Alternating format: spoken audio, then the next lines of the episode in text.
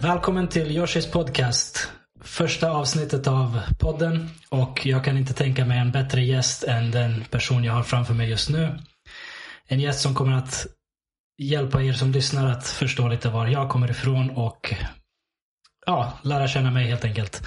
Det är ingen mindre än min pappa, Enes Siga. Eller Enes Giga som vi hade sagt i hemlandet. Välkommen till podden pappa. Tack, tack. Jätteroligt att du ville vara min första gäst. Jag uppskattar det. Tack. Um, vi börjar med en uh, enkel fråga. För mig är du pappa. Och har alltid varit pappa och in, i, det är inte, så, inte mycket konstigare än så. Men uh, vem är du när du presenterar dig för någon ny person som du inte har träffat tidigare? Ja, till att börja med så är jag din och Fejas pappa. Det är kanske det viktigaste men uh, ja, vem är jag? Jag är gymnasielärare, numera pensionerad gymnasielärare men egentligen det jag mest gillar är att jag är civilingenjör. Mm. Det är nog, och uh, civilingenjör inom maskinteknik specifikt flygteknik. Det är min, eh, min professionella uh, ja, legitimation. Mm. Men privat vet jag inte. Jag, ja, jag är en vanlig person. Ja. Vad, du specifikt eh, ingenjör och flygteknik är det du håller på med? Det, ja, det, det är min, uh, min inriktning min uh, tekniska bakgrund och uh, utbildning. först gick jag en del av vanlig maskinteknisk utbildning och sen uh, den andra halvan i min uh, fakultetsutbildning handlade om specifikt flygplanskonstruktioner. Okay. Ja. Hur hamnade du där? Är det ett intresse du alltid har haft eller råkade det bli så? En del av det, eh, till att börja med så, så ville jag bli pilot. Stridspilot. Och eh, i mitt eh, hemland eh, fanns en statlig skola, en statlig gymnasieskola dit ungefär 150-160 ungdomar varje år valdes från hela före detta Jugoslavien. Det var en internatskola, en i grund och botten uh, uh, naturvetenskaplig gymnasial inriktning eh, som en förberedelse för eh, en senare akademisk utbildning eh, i pilotyrke strids, för, för stridspiloter. Men under de här fyra åren insjuknade jag. I, jag började få problem med hörsel. Mm. Och har man problem med hörsel så kan man inte bli stridspilot. Och då växlade jag spår och uh, fortsatte istället för att fortsätta utbilda mig till, till stridspilot så fortsatte jag utbildningen på ja, motsvarande KTH, maskin. Mm Eh, teknisk fakultet. Och de första tre åren gjorde jag i Sarajevo och eh, de följande tre åren i Belgrad. Och eh, eftersom det var från början tänkt att jag skulle bli flygare, då var det det vanliga valet att välja flygteknik och jag specialiserade mig mot gasturbinmotorer. Okay. Och det var det efter, eh, efter eh, universitetet, eller fakulteten, när jag jobbade i ett antal år så tog jag också en, fortsatte vidare för att, ja, jag tror att det heter forskarstudier. Att det heter så i Sverige. Så det var ju, ja, jag är ju bäst bland det jag kan är jag bäst på just gasturbinmotorer. Okay. Det är min allra smalaste kanal. Okej. Okay. Ja. Häftigt. Och eh, du nämnde före detta Jugoslavien. Du och jag är födda i före detta Jugoslavien. Det som nu är Bosnien. Eh, den del av Jugoslavien som nu är Bosnien. Jag tänkte fråga dig lite om det. Om vi går tillbaka till, till början. Jag, jag var ju bara tre år när kriget i Jugoslavien eh, började. Så jag har inte mycket erfarenhet av landet före kriget. Um, hur var det att växa upp i Jugoslavien? Berätta lite om din barndom och vad du minns av den tiden. Ja, det Sådant har blivit ganska, ganska konstigt beroende på vem du frågar. Mm. Men eh, min generation, jag är nu snart 68 gammal. Vi som är födda i Jugoslavien och de flesta av oss, eller de flesta av mina vänner, mina närmaste kontakter. Och det är inte konstigt att uh, vi umgås därför att vi tänker lika eller ungefär lika. Så har vi varit nöjda med Jugoslavien. Jag, jag har ingenting att klaga på. Det var ett fint land, ett tryggt land. Vi hade allt vi behövde. Vi kunde resa utomlands. Uh, utomlänningarna kunde och fick uh, resa in i Jugoslavien. Så det var ju inte så som man brukar uh, kalla det här järnridån som det var i mm. Sovjetunionen och de länderna. Jugoslavien var ju mycket, mycket öppet land. Ja, halvvägs till mellan väst och öst. Så det, det var det var bra. Det, mina erfarenheter från uh, det livet är bara positiva. Sen om man, hade, om man uh, gillade att syssla med politik, uh, det, det då, då kan, kunde problem uppstå. Mm. Och de som var emot kommunistpartiet och deras i grund och botten socialdemokratiska inställning, fast det var ett partisystem, där fick man inte säga eh, vad man vill precis, men för den stora, allra största mängden av befolkningen så var alltid, allting okej. Okay. Man behövde inte mm. blanda sig i politik och man, man hade inget behov att vara oppositionell. Men de oppositionella, och det är ju vida känt, eh, i, i synnerhet direkt efter andra världskriget kunde, kunde drabba, drabbas väldigt hårt. Mm. Hamna i fängelse för att tycka annorlunda. Men sedan, sedan 60, 65, 60 och 70-talet så var det faktiskt ett jätte, jättefint och mm. öppet.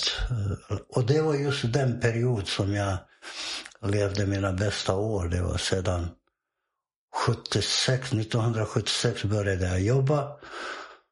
Och det var, allt var billigt, allt var, allt, allt var fint, allt var, eh, ja, livet gick bra. Fast eh, nu när jag, när jag ser tillbaka så uh, det här välbefinnandet som Jugoslavien uh, befann sig i fanns faktiskt överallt. I Sverige, och i Frankrike, mm. Västeuropa.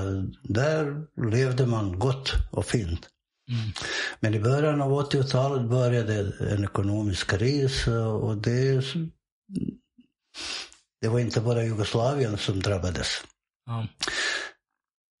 Men eh, när den där eh, början av ekonomiska krisen sammanföll med eh, Titos eh, bortgång, Tito var ju presidenten, eh, då började nationalismen och eh,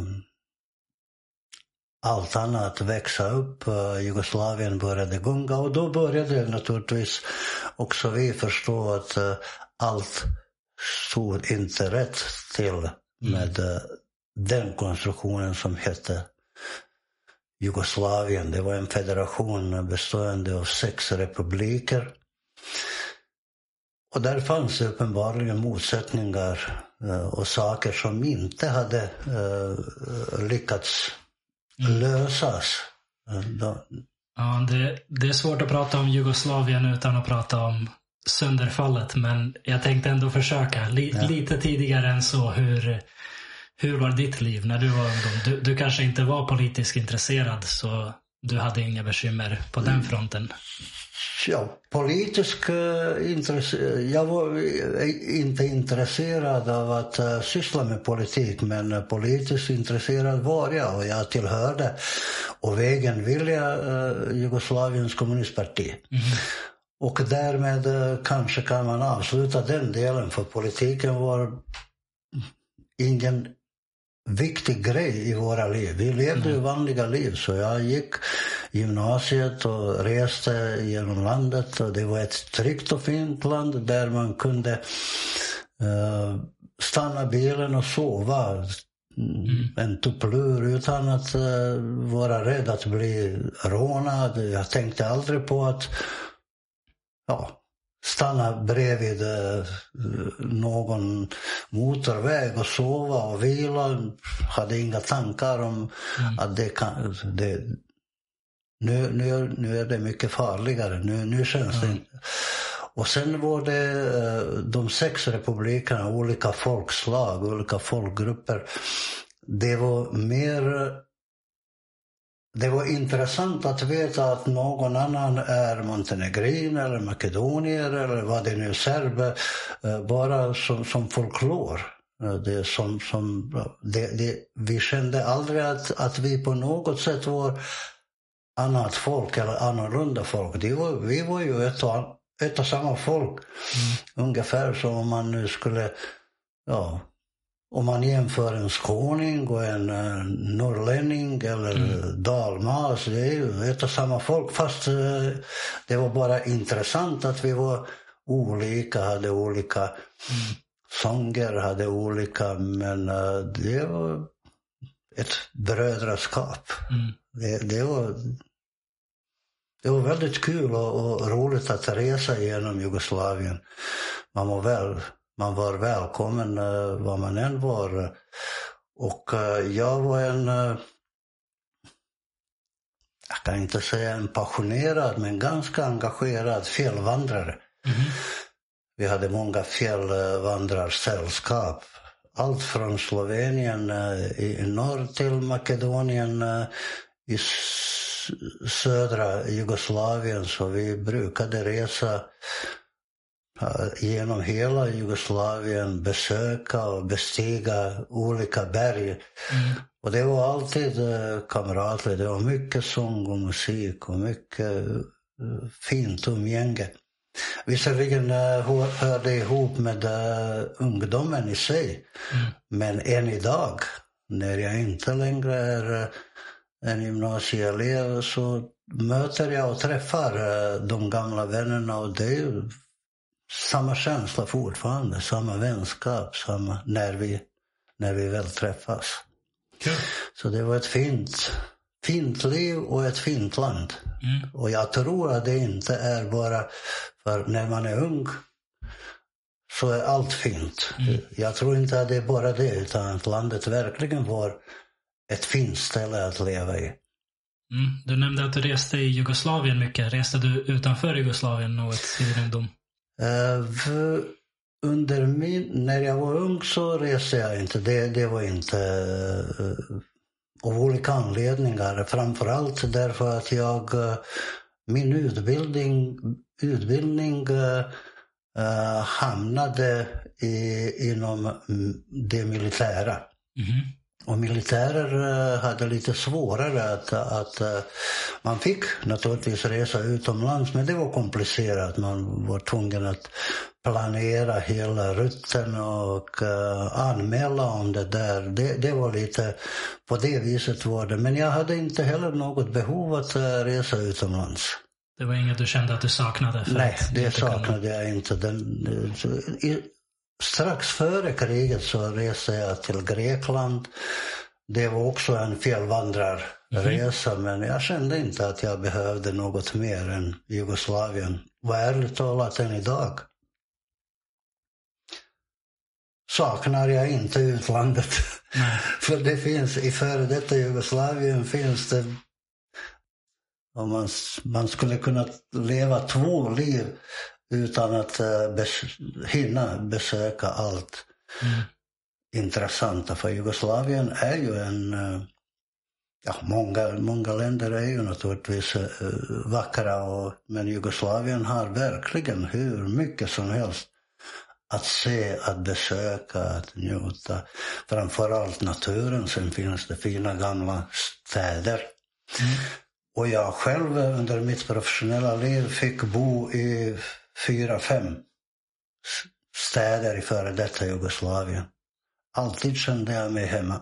Okej. Du, du fick bo i olika städer för att med jobbet fick du flytta med, runt lite? Med jobbet, ja. Mm. Med jobbet så... Uh, ja, när man jobbar i flygvapen, jag, jag jobbade i flygvapnet, Jugoslaviens flygvapen. Och när man är ung, uh, då förflyttas man lite mer ofta Mm. uh, efter olika behov. Det uppstår behov i olika delar. Så jag har bott, jag började i huvudstaden i Montenegro, sen flyttade jag eh, senare till eh, Mostar i, i Bosnien-Hercegovina. Sen flyttade jag till eh, Belgrad Mhm. där mitt första barn föddes. Och efter det flyttade, jag, flyttade vi till eh, Sarajevo där du föddes. Okej. Ja, du fick verkligen flytta runt överallt. Ja, det, var, det var en hel del, ja. Du, du ville bli stridspilot först och främst. ja. Hur gammal var du när den idén föddes? Då var jag 13 år gammal, för när jag började min uh, gymnasieutbildning så hade jag precis fyllt 14. Okej. Det var ett år yngre än, än man brukar vara, för uh, i före detta Jugoslavien tar grundskolan åtta år. Mhm. Och, eh, men jag hade börjat eh, grundskolan ett år tidigare. S- Men eh, jag, jag minns hur idén kom. En, en, en äldre kompis eller, eller eh, kanske till och med lite släkt, släkting eh, på något sätt eh, hittade den där eh, skolan och började gå i den skolan. Han var årskurs ett när jag ansökte om det där. Okej. Och det var populärt eh, för eh, av olika anledningar. För det första så var det gratis utbildning helt och hållet. Eh, Och när, Bara på den skolan eller? Bara på den skolan. På den, på den, utbildningen var mer eller mindre gratis i före detta Jugoslavien. Det, det var ju en, en annan Mm. det, det var också en, en bra sak. Men just den här skolan eh, som var en internatskola, när, när man blir statens Ägodel? ä- ägare, ägare så tänker de på allting. Vi, vi fick kläder, vi fick mat, vi fick, Okej. fick allt och en karriär som man kunde överskåda så länge man lever. Så det var mycket tryggt och på det viset intressant och bra för våra föräldrar. Mm. Men jag tänkte inte på det. Jag, jag hade inget... Jag, hade, jag visste ingenting om, om att försörja, att, Mm. att det kostar att leva. Jag var ju barn. Jag tänkte att eh, ja, men det var en fin, uh, fint yrke. Att flyga flygplan. eh. Ja. Och på det, på det viset blev det. Jag ansökte utan att tro. För det är tusentals ungdomar som, eh, som vill eh, gå den där skolan. Och det är väldigt få som tas in. Mhm. Och jag var väldigt liten. Jag, jag var kortare än 150 centimeter då. Och dessutom var jag ett år yngre än, än eh, de ansökande. För, för jag trodde att jag inte hade någon chans. Ja. Men det visade sig efter sex dagars läkarundersökningar, psykiatri, psykolog och allt så, så vi, vi samlades allihopa eh, och åkte till Belgrad, huvudstaden. Där det finns en institution, en, eh, de, de som testar alla ungdomar som vill bli stridspiloter. Och det visade sig att eh, ja, jag var frisk och accepterad. Tre, fyra, fem andra eh, grabbar från samma by mm. som jag kom ifrån, de fick avslag. Okay. Jag vet aldrig varför. Men jag fick uh, i alla fall börja den utbildningen. Det var också en, en rolig... Var du väldigt glad? Jag vet inte. Jag, jag var inte någon sån fantast. När, när man... Eh, ofta hör man de som har blivit piloter eller läkare eller vad det nu kan vara, något yrke. Att man har drömt. Ofta börjar sådana här uh, berättelser. Ja, en dag när jag var väldigt liten så såg jag ett flygplan och då sa jag till mig, ja kom. Nej, så, så var det faktiskt inte. Det var mer eller mindre ja, ett år innan att jag fick veta att något sådant överhuvudtaget fanns. Mm. Och så var jag inte någon brinnande själ. Så ja, visst var jag glad, men eh, ja, det var mm. en del av livet, men inte så att det var min tanke. Egentligen ville jag bli läkare. Okay. det, det är det jag minns som barn, att ja. jag skulle bli när jag blir stor. Det här kom och jag hade inget emot. Det kom liksom bara plötsligt så att jag, mm. det var ingen, ingen dröm som jag det, hade. Det är ändå ganska tidigt att som 13-åring ta ett sånt beslut. För? För sin karriär.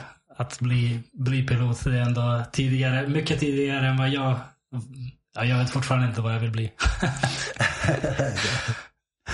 Du visste egentligen inte vad du skulle bli Nej. till den sista dagen när du skulle ansöka om univers universitetet för det. Men du var ju beredd. Du kunde, du kunde faktiskt eh, Ja, det... Bli vad som helst för du var lika bra på natur och uh, humani ah, humaniora. Så. Det vet jag inte. Men, men jag hade tillräckligt bra betyg för att kunna söka lite olika. Så ja, det var, det, det, var, ju tur. Det var också det. Jag, jag, jag ville också bli läkare men ändrade mig en vecka innan ansökningen skrev in. Ja, det minns jag. Så. Nej, jag, jag, eh, än idag om jag nu skulle välja, jag kan inte säga att när jag bara ett exempel när, när jag insjuknade. Mm. Uh, jag fick en långvarig uh, öroninflammation. Vilket, uh, Hur gammal var du då? Det var redan när jag var kanske 15 år. Ganska, okay. ganska snart i början av den här. Vi, vi var och vi var någonstans och simmade. Jag, jag minns att vi som, som, som uh, elever uh, åkte. De tog oss till havet och så lärde vi oss simma. Och du vet, det, allt det där som framtida stridspiloter ska lära sig. Och jag minns att jag då fick en uh, öroninflammation och uh, jag var barn, oseriös. De, mm. Jag tog inte hand om det där. Okay. De skickade mig till, spe, till specialister. Eh, men jag gick inte dit och det, det blev dåligt. Men uh, jag, jag, kände inte att jag blev så jättebesviken att jag nu inte kan bli stridspilot. Okej, okay, så på grund av det här problemet med örat. Ja, du så, fick en öroninflammation som du inte tog hand om. Uh, och, som blev så dålig att... Och så blev det, blev det, jag fick ett hål i trumhinnan. Okay av den här inflammationen och naturligtvis eh, började höra sämre. Mm. Men uh, som sådan kan man naturligtvis bli ingenjör men inte mm. pilot. Mm. Okay. Och så fortsatte min utbildning på en teknisk linje och det var lika bra för mig för jag var inte så... Du ville ändå inte bli pilot? Jag ville bli pilot men eh, så, det var inte så viktigt. Blir jag inte pilot så blir jag vad jag blir. Jag tänkte inte så mycket för mm. jag hade också väldigt bra betyg och kunde mm. göra vad som helst. Och egentligen när jag tänker tillbaka, det enda jag verkligen har kunnat göra är att plugga. Mm. Inget annat. För jag trivs bäst när jag inte behöver göra något utan plugga. Okay. Resonera, räkna. Det, det var enkelt. Vad jobbade dina föräldrar med? Min pappa är lärare. Mhm. Eh, hans, eller var lärare, han, han dog för eh, ett år sedan. Eh, men hans eh, historia är också lite intressant. Han, han ville inte vara, bli lärare. Det är ett återgående tema det här. Ja, han, han, eh, han har berättat det väldigt många gånger till, till eh, mig, till oss. Eh, Under andra världskriget eh, så blev han av sin pappa. Mhm. Men hans mamma hade dött innan andra världskriget började. Innan, för, före 1945. Eh, Hans pappa dog eh, eh, 41. Eh, Hans pappa dog eh, 1943, alltså mitt under andra världskriget. Så både han och hans två syskon eh, omhändertogs av staten.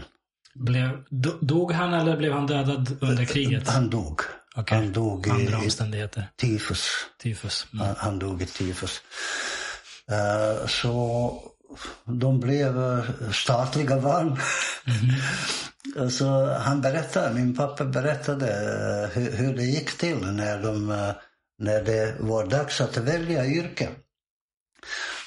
Så staplades de i rader och så kom någon tjänsteman och räknade. 1, 2, 3, 4, 5. Ni ska vara rörmokare. 1, 2, 3, 4, 5. Ni ska vara något annat. 1, 3, 5. Och så blev han lärare. Okej. Och den bredvid honom skulle bli bilmekaniker. Och Okej. han ville så gärna bli bil, bil men de, de var rigida, de ville inte. Tjänstemännen ville inte diskutera saken. Nu ska du bli lärare, punkt och slut. Det, här, det här låter inte som det mest effektiva sättet att fördela vad folk håller på med. Vad- Ja, men så, så, så var det i alla fall. Men han blev till en enormt uppskattad lärare. Okej. Han blev faktiskt en, en, han är en född lärare. Så som bilmekaniker hade han nog inte lyckats alls. Okej. Nu, eftersom jag känner honom. Men som lärare blev han. Och min mamma var innan hon äh, gifte sig med, eh, med äh, min pappa så var hon äh, arbetare på, på en äh, ammunitionsfabrik. Okej. Det var ett farligt ställe för ammunitionen kunde explodera. Och eh, hennes lön var ju ja, typ två, tre gånger högre än min pappas. Som lärare. Lär, lärare som lärare. För att det var så farligt eller? För att det var, eh, framförallt för att det var så farligt. Men också ett lite specialistjobb, ja, jag vet inte. Eh, Men eh, hon blev tvungen att sluta det där eftersom min pappa skickades, på den tiden skickades unga lärare överallt till små byar. Mhm. Och jag själv föddes eh, i en by som fick elektri- elektricitet först kanske för tio år sedan. Mhm. Det var en så, så öde mark. Ja. Så det var en liten, liten skola där det fanns två lärare och ett enda klassrum. Okej. Och vi bodde allihopa, den där lärarfamiljen och min familj, alltså min pappas lärarfamilj, bodde i varsitt ett rum. Mhm. Men man hade ju varsitt rum. Okej. Så det var det, man hade inget vatten eller man hade en, en utedass. Och, men så var det ju. Jag föddes 55. Så var det då. Så, eh, min mamma naturligtvis följde efter sin man och slutade jobba. Och hon eh, jobbade lite sporadiskt här och var. Men eh, hon blev, hon hade inget specifikt yrke men hon var väldigt, väldigt uh, läskunnig och intresserad av att läsa. Hon läste för oss. Och hon var mycket, mycket, trots att hon saknade en formell utbildning så var hon enormt uh, påläst. Mhm. Och sen min pappa var lärare. På, på den tiden betraktades det som väldigt, väldigt viktiga personer. Uh, väldigt utbildade. Uh, gymnasieskolar, skole, utbildningen på den tiden var ju som kanske doktorat idag. Mm. Okej. Så varje lärare på den, i det kommunistiska Jugoslavien var också i den byn, i den by där, där han kom. Prästen och läraren var ju de viktigaste personerna. De fick organisera det sociala livet, utbilda vuxna i, i, i allt möjligt. Uh, allt från att lära dem skriva och läsa till att leva dem, lära dem att leva. Uh, mm. ett normalt, alltså läraren fick vara förebild. Läraren Förstår jag, men du sa prästen också i kommunistiska Jugoslavien. Ja, ja det, det, det är en fördom som, som många, många tror att, att religionen var bortjagad. Uh, det stämmer absolut inte. för okay. Religionen har alltid haft sin plats för de som ville det. Mm -hmm. Men kommunistpartiet tillät Alltså inga viktiga ledare, direktörer, VDR och så vidare. Man kunde inte bli det om man inte var medlem i kommunistpartiet. Okay. Men det här privata livet, kyrkor, alla kyrkor och monaster och moskéer eh, som fanns från 1300-talet, de var under stat, stat, statligt skydd. Mm. De bevarades, de renoverades. Alltså det, det var ju inte så. Däremot eh, kommunistpartiet som uh, övertygade marxister och ateister de, vill du bli medlem i kommunistpartiet så måste du faktiskt vara ateist. Mm. För deras, eh, det är inte som, som det till exempel vi visste att Eh, Polen. Eh, I Polen hade man eh, en annan syn på, på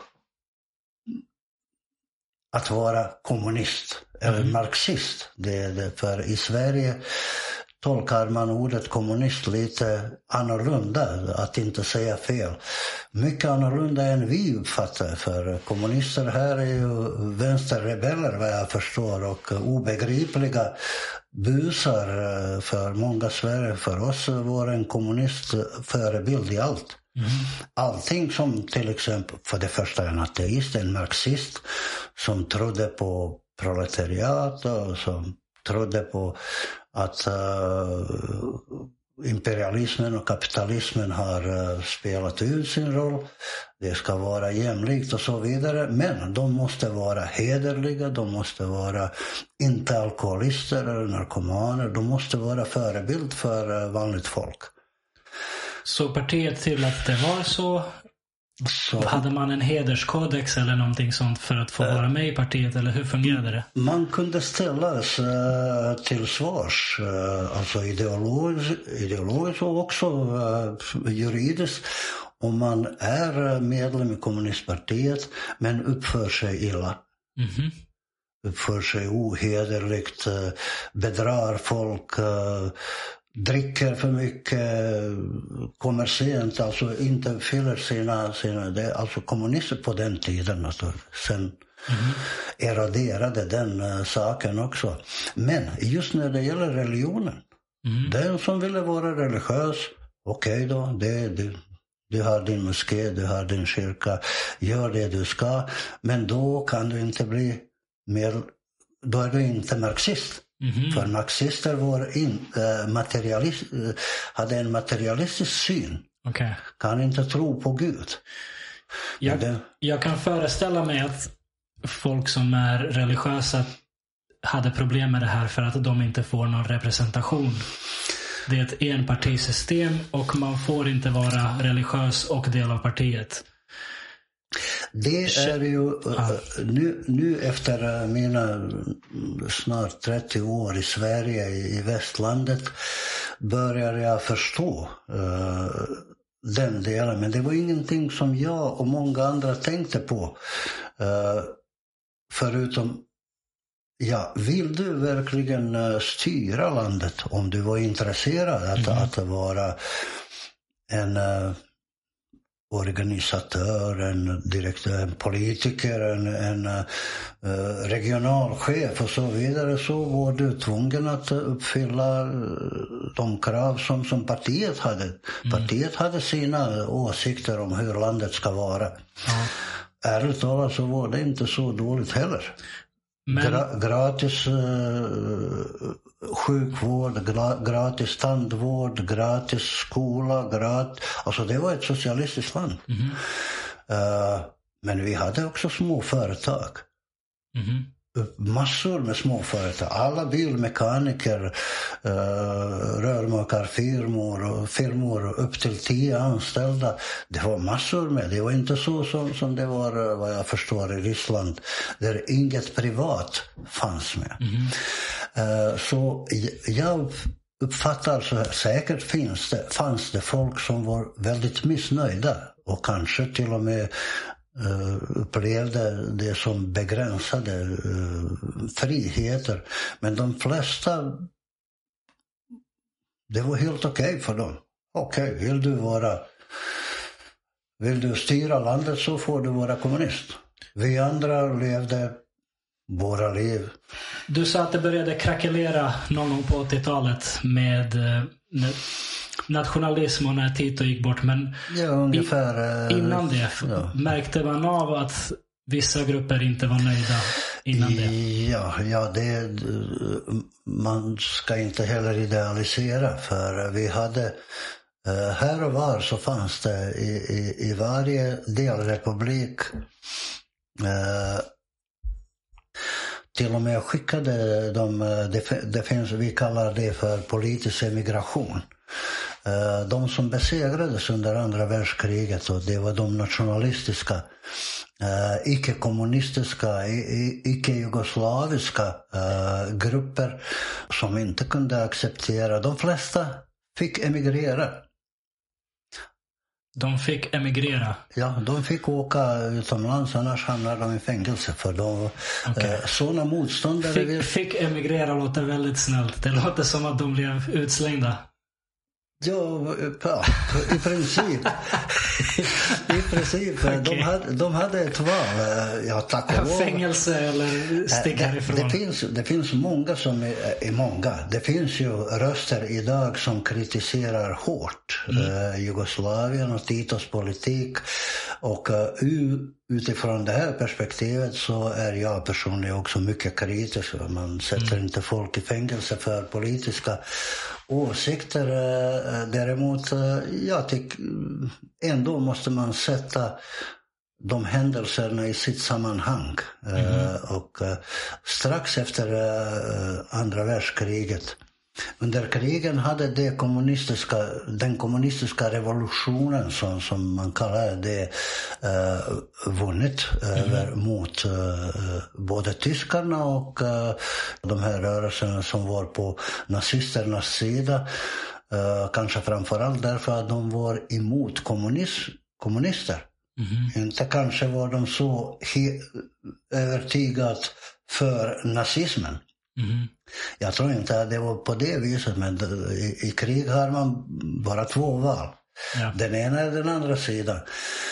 Så de hade sin räkning antagligen eh, att, att liksom ansluta sig till uh, nazisterna, till Tyskland och Italien och så vidare för att eventuellt vinna någonting efter kriget. Men partisanerna, Tito och hans uh, partisaner som inte bara var, bara var kommunister utan de var antinazister eller vad det nu heter. De var mot nazism och de ville befria sitt land. Naturligtvis passade de på, på att införa, alltså vinna en, eh, också en kommunistisk revolution.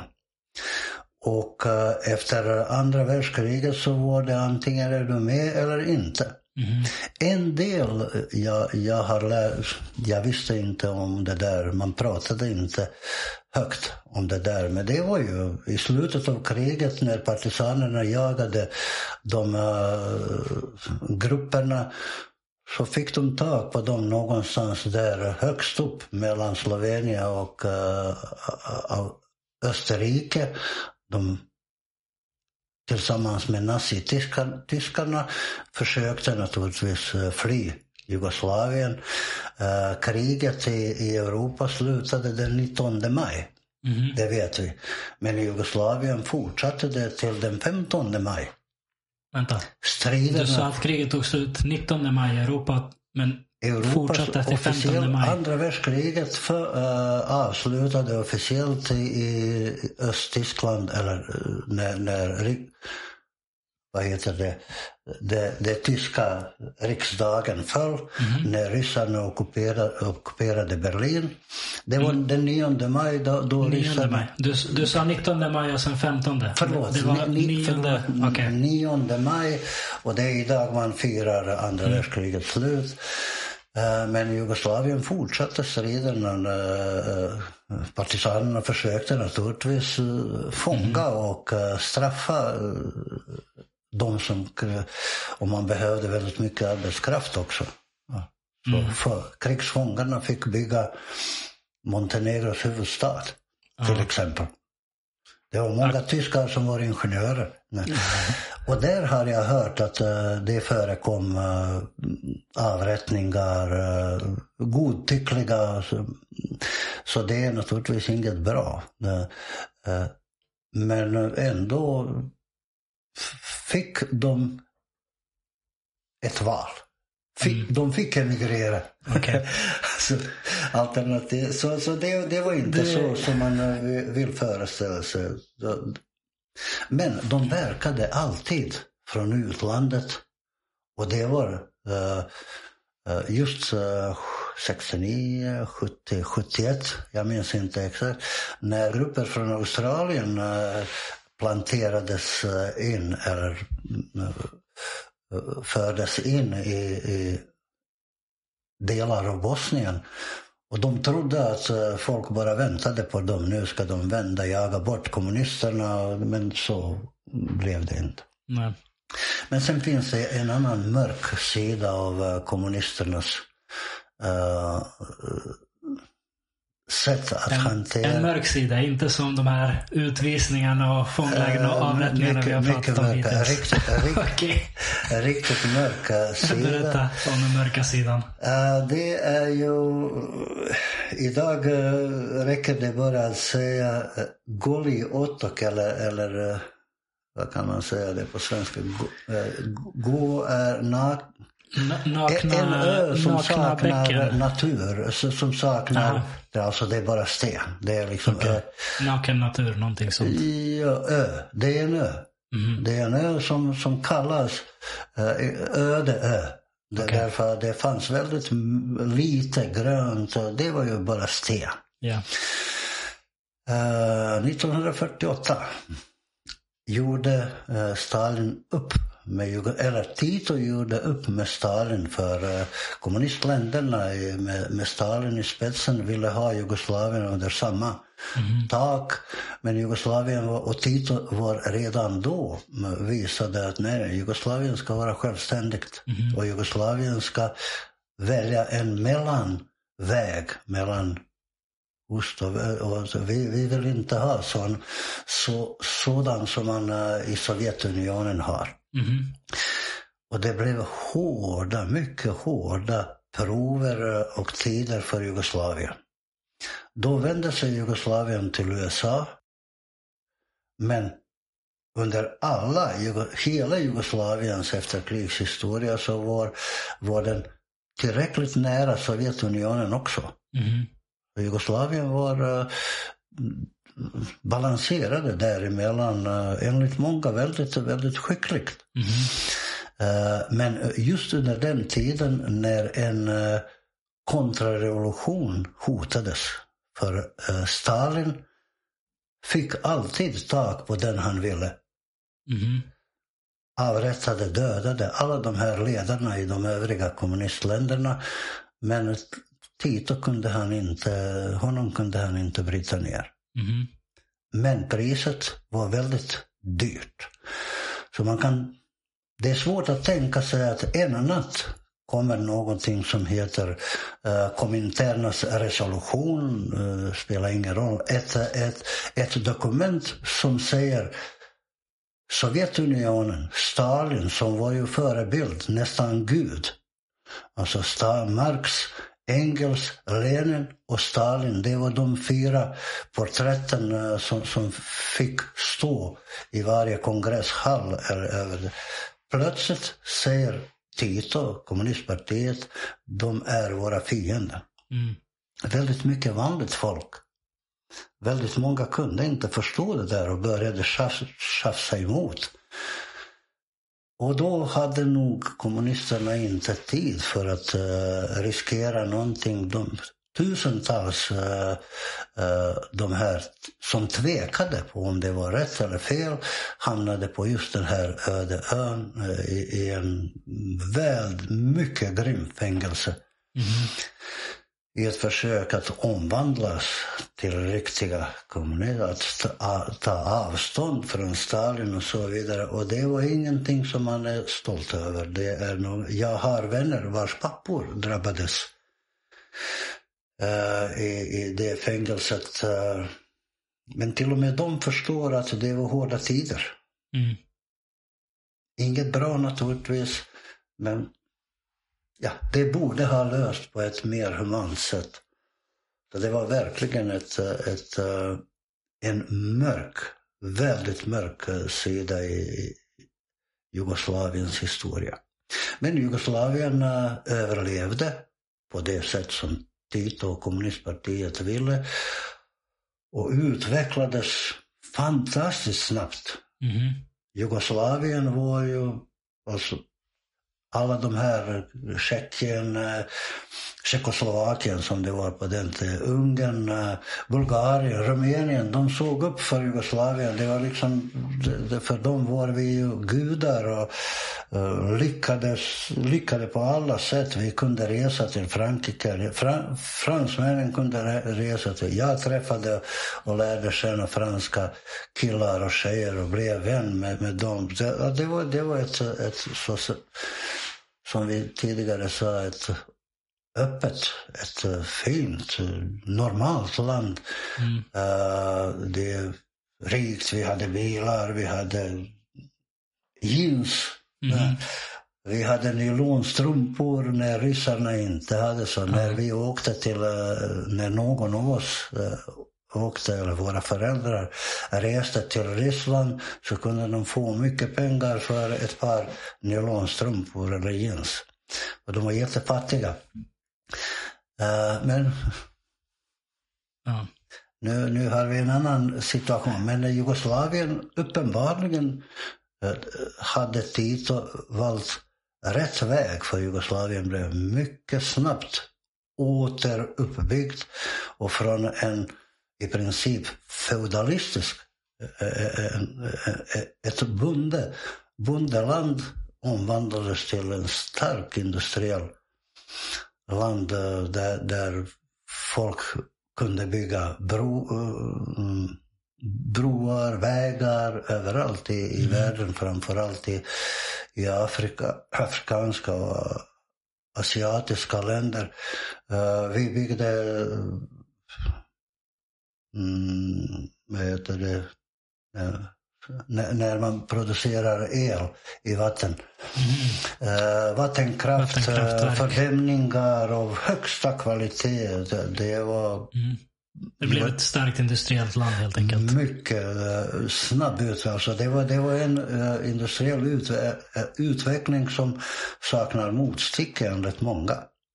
Du nämnde att Stalin var lite som en gud för, för många. Mm. Man kan säga detsamma om Tito. Att han avgudades av ju, många i Jugoslavien och att uh, han hyllades på ett sätt som liknar det, det man gjorde med Stalin i, i Sovjetunionen.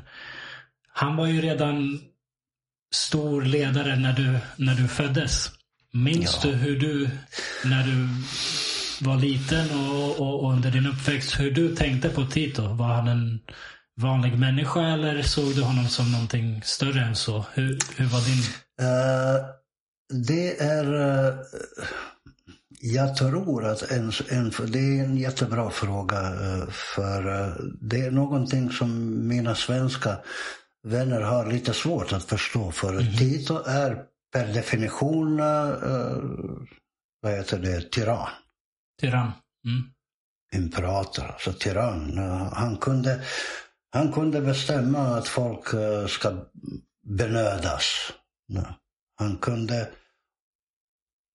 om han bara ville så skulle han kunna, kunnat få en del av landet. Mm. Ja, Okej, okay, nu är det ditt. Alltså. Men uh, det är så vitt jag vet den enda uh, världsledare eller landsledare av ett sådant slag som hade en sån makt som inte var inriktad på materiell mm. makt. Han ville bestämma. Mm. Och det gjorde han. Även om det kostade något huvud eller några huvud så bestämde han. Men när han dog så hade han inga, uh, vad heter det, uh, inget hus. Tillgångar. Inga ingenting. Han ägde ingenting. Mm. Dessutom hans barn, han har, uh, hade barn. Hans barn fick klara sig själva mm. på sina egna meriter. Ingen av dem hade med politik att göra. Uh, hans yngre son blev ingenjör och en mm. av ledarna i ett stort, på ett stort företag, men inte med Titos hjälp. Nu... Det är enormt eller uh, nästan obegripligt att vi, uh, vi, vi duar inte någon. Mm. I Jugoslavien är det idag att, att man uh, niar, ni och så vidare. Uh, bara Tito var du för alla. Tito var en kamrat. Mm. Och när man pratade med Tito så sa han, till och med jag, om jag hade träffat honom, skulle säga du. Mm. Som vore han, alltså han var ju inte, inte Gud på något sätt, utan en mycket, mycket jordnära kamrat. Okay. Som vi trodde obegränsat på oss. Man brukade säga om domstolarna liksom trackade, om jag inte får någon rättvisa så driver jag det till Tito. Och när man kommer till Tito så vet man, då kommer det att bli rättvist. Okay. så, så var det. Det var ju... Nej, vi, jag har i alla fall många som jag har aldrig upplevt honom som något hot. Nej, bara liksom som en, en landsfader. Bara något positivt. Okej. Okay. Ja, men eh, det var, inte, det var inte riktigt ett svar på min fråga. Aha, min okay. fråga var hur du såg honom när du växte upp, men det kanske svarar på frågan ändå. ja, jag, jag såg... Uh, Han var en väldigt bra och fin ja, och vacker ja, och ärlig ja, människa. Det, det, perfekt människa. En perfekt människa. Alltså en, en före. En, en som vi inte hade klarat oss utan. Okay. Naturligtvis hade vi gjort det, men Tito var ju... Uh, uh, och det var ingen rädsla. Nej. Aldrig har jag förstått att folk runt omkring mig var rädda på något sätt. Nej, Nej. Han var ju precis som, som, som jag vet inte om det, om det är rätt uh, jämförelse, men Buda eller mm. sådana där. alltså det, det var, han var ju liksom... Fullkomligt normalt, precis som det är med våra statsministrar här i Sverige. Det, det är så vi känner för folk. Ja, jag vet inte. Statsministrar är ju vanliga människor som man kun, kan och får ifrågasätta. Ja. Man fick ifrågasätta Tito också, men man hade ingen anledning för så mycket trodde vi på honom. Kände du, kände du någon, någon särskild typ av kärlek för Tito? Ja, det, det, det, det som verkligen när han dog så, så var det miljoner jugoslaver som grät uppriktigt. Mm. Uppriktigt alltså. Det var en stor, stor och riktig sorg. Men vi var ju indoktrinerade också. Mm. Även om man, Tito var ju naturligtvis en människa som alla andra. Mm. Säkert fanns det saker som, som vi aldrig fick veta. Mm. Men i våra sagor, i våra, vår skolutveckling så var han liksom en myt. Alltså det, det, en perfekt figur. Inte en, ja, någonting som en rättvis och fin gud. Mm. Uh, klart att den bilden stämde inte. Han var ju som sagt en människa som alla andra med alla sina brister och så. Men uh, vi, ja, ja, jag älskade honom uh, obegränsat. Alltså. Mm. Uh, ifrågasatte aldrig den delen. Men naturligtvis när jag blev vuxen och började tänka mer med eget huvud och jämföra och i synnerhet nu när jag har sett uh, Sverige och lärt mig att det faktiskt finns oberoende tidningar, mm. Oberoende tv. Att, att det faktiskt är så att politikerna inte får bestämma vad tvn ska säga. Mm. Jag, jag, jag kunde inte tänka mig något sådant. Det är intressant för du pratar om det på, om, om Jugoslavien och den här tiden ena minuten på ett väldigt positivt mm. sätt, andra minuten på ett sätt som. Där, du, där du märker att mycket var fel. Jo, det, det är det. Frågan är varför Jugoslavien har rasat sönder. Något som är bra borde inte mm. uh, liksom. Men uh, det är också enligt mig, enligt mig, enligt många som jag uh, umgås med och resonerar. För Jugoslavien eh, var, alltså det är ett land som, som var under påverkningar från både öst och väst, från alla håll. Mm. Det är ett problem. Kanske, kanske överdriver vi jugoslaver vår betydelse, jag vet inte. Men, eh, som, Jugosla... som alla folk?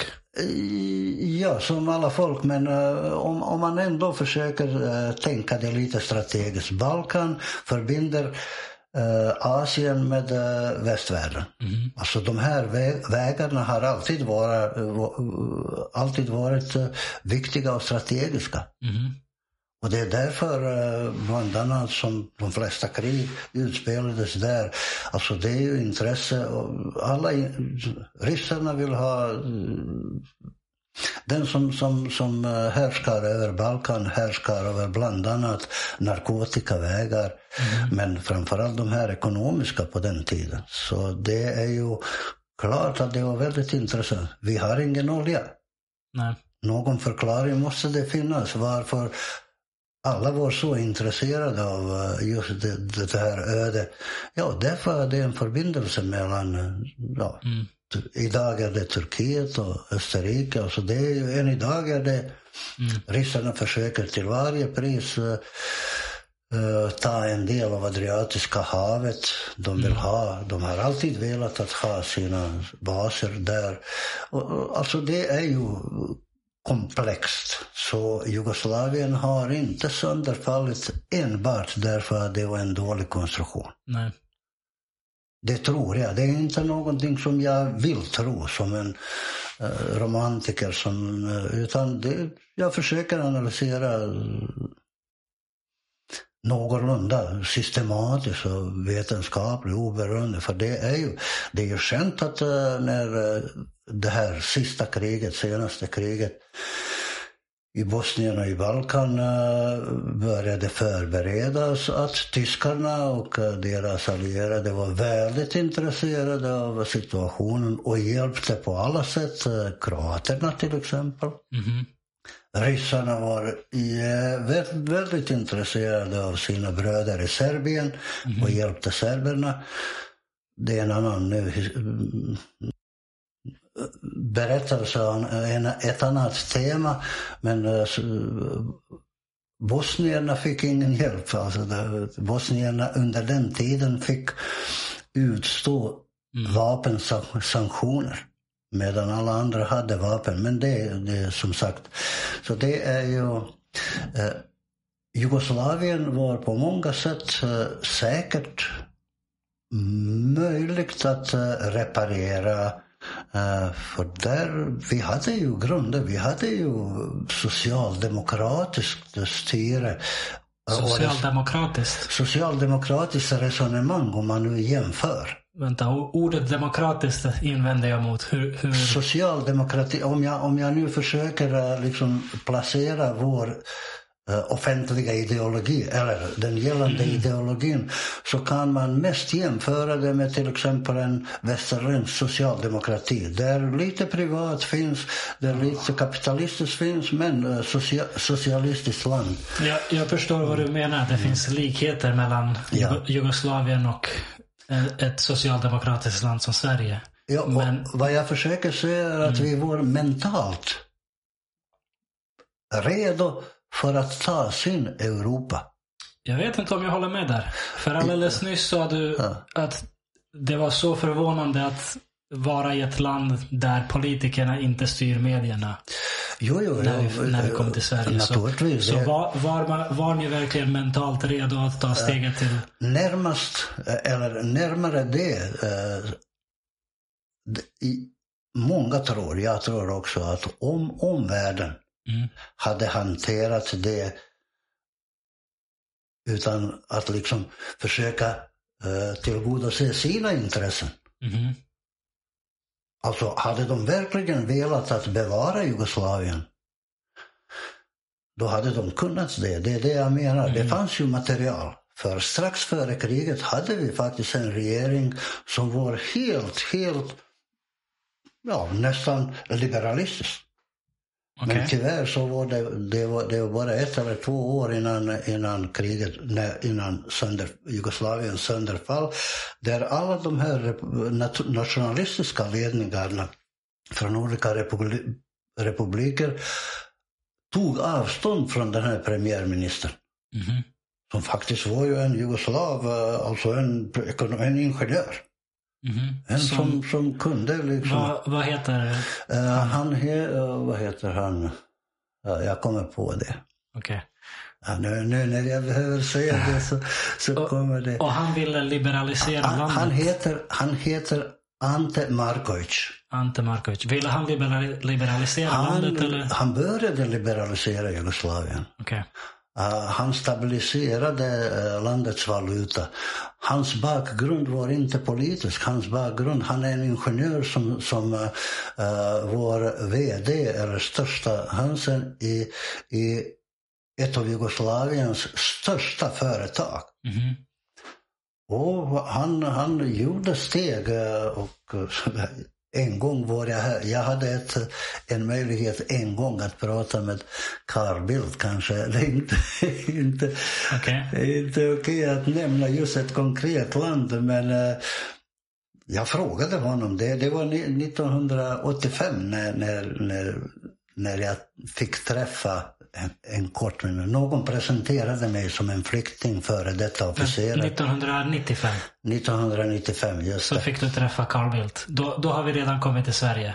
Ja, då hade vi kommit ja. till Sverige. Vi, vi, kom till Sverige 90, sommaren 94. 94, just det. Och I Leksand, där vi bodde då, så fanns en, eh, någon, någon tillställning. Eh, Carl Bildt pratade för folk i Leksands mm. kyrka och berättade att tyvärr ska inte svenskarna tro att vi är bättre än någon. Det kan hända hos oss också. Det tyckte jag var ju väldigt, väldigt eh, bra djupsinnesat. För det är inte svårt mm. att uh, sätta igång krig. Uh, inte så svårt som man tror. Ja. Smart är man inte. Och vad frågade du Carl Bildt? Och då frågade jag honom, varför lät ni att vi som jag. När jag säger vi så menar jag jugoslaver, de som inte brydde sig om nationalistiska intressen utan eh, ett normalt liv. Varför lät ni oss spridas eh, runt i världen, runt om i världen. Nu finns vi överallt i Australien, från Kanada till Sverige.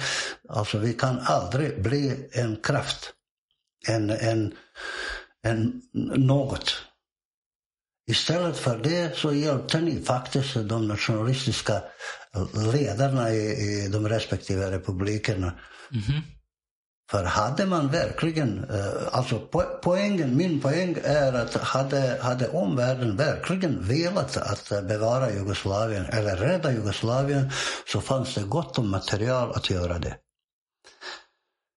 Av någon anledning gick det som, som det gick. Vad svarade Karl? Han svarade så här, men de har makt. Nationalisterna? Ja, var, jag, jag, jag frågade honom, ja, varför, varför pratar ni med dem? Varför pratade ni aldrig med oss? Mhm. Vi hade den här, den här Aha, han menar att det är de som sitter vid makten. och då säger jag, ja men de sitter vid makten. Mm. Och då blev jag djupt besviken över uh, den europeiska eller västerländska pragmatismen. Nu vet jag inte naturligtvis, jag ska ju inte kommentera. Det, är, det är en svår fråga att svara på för honom.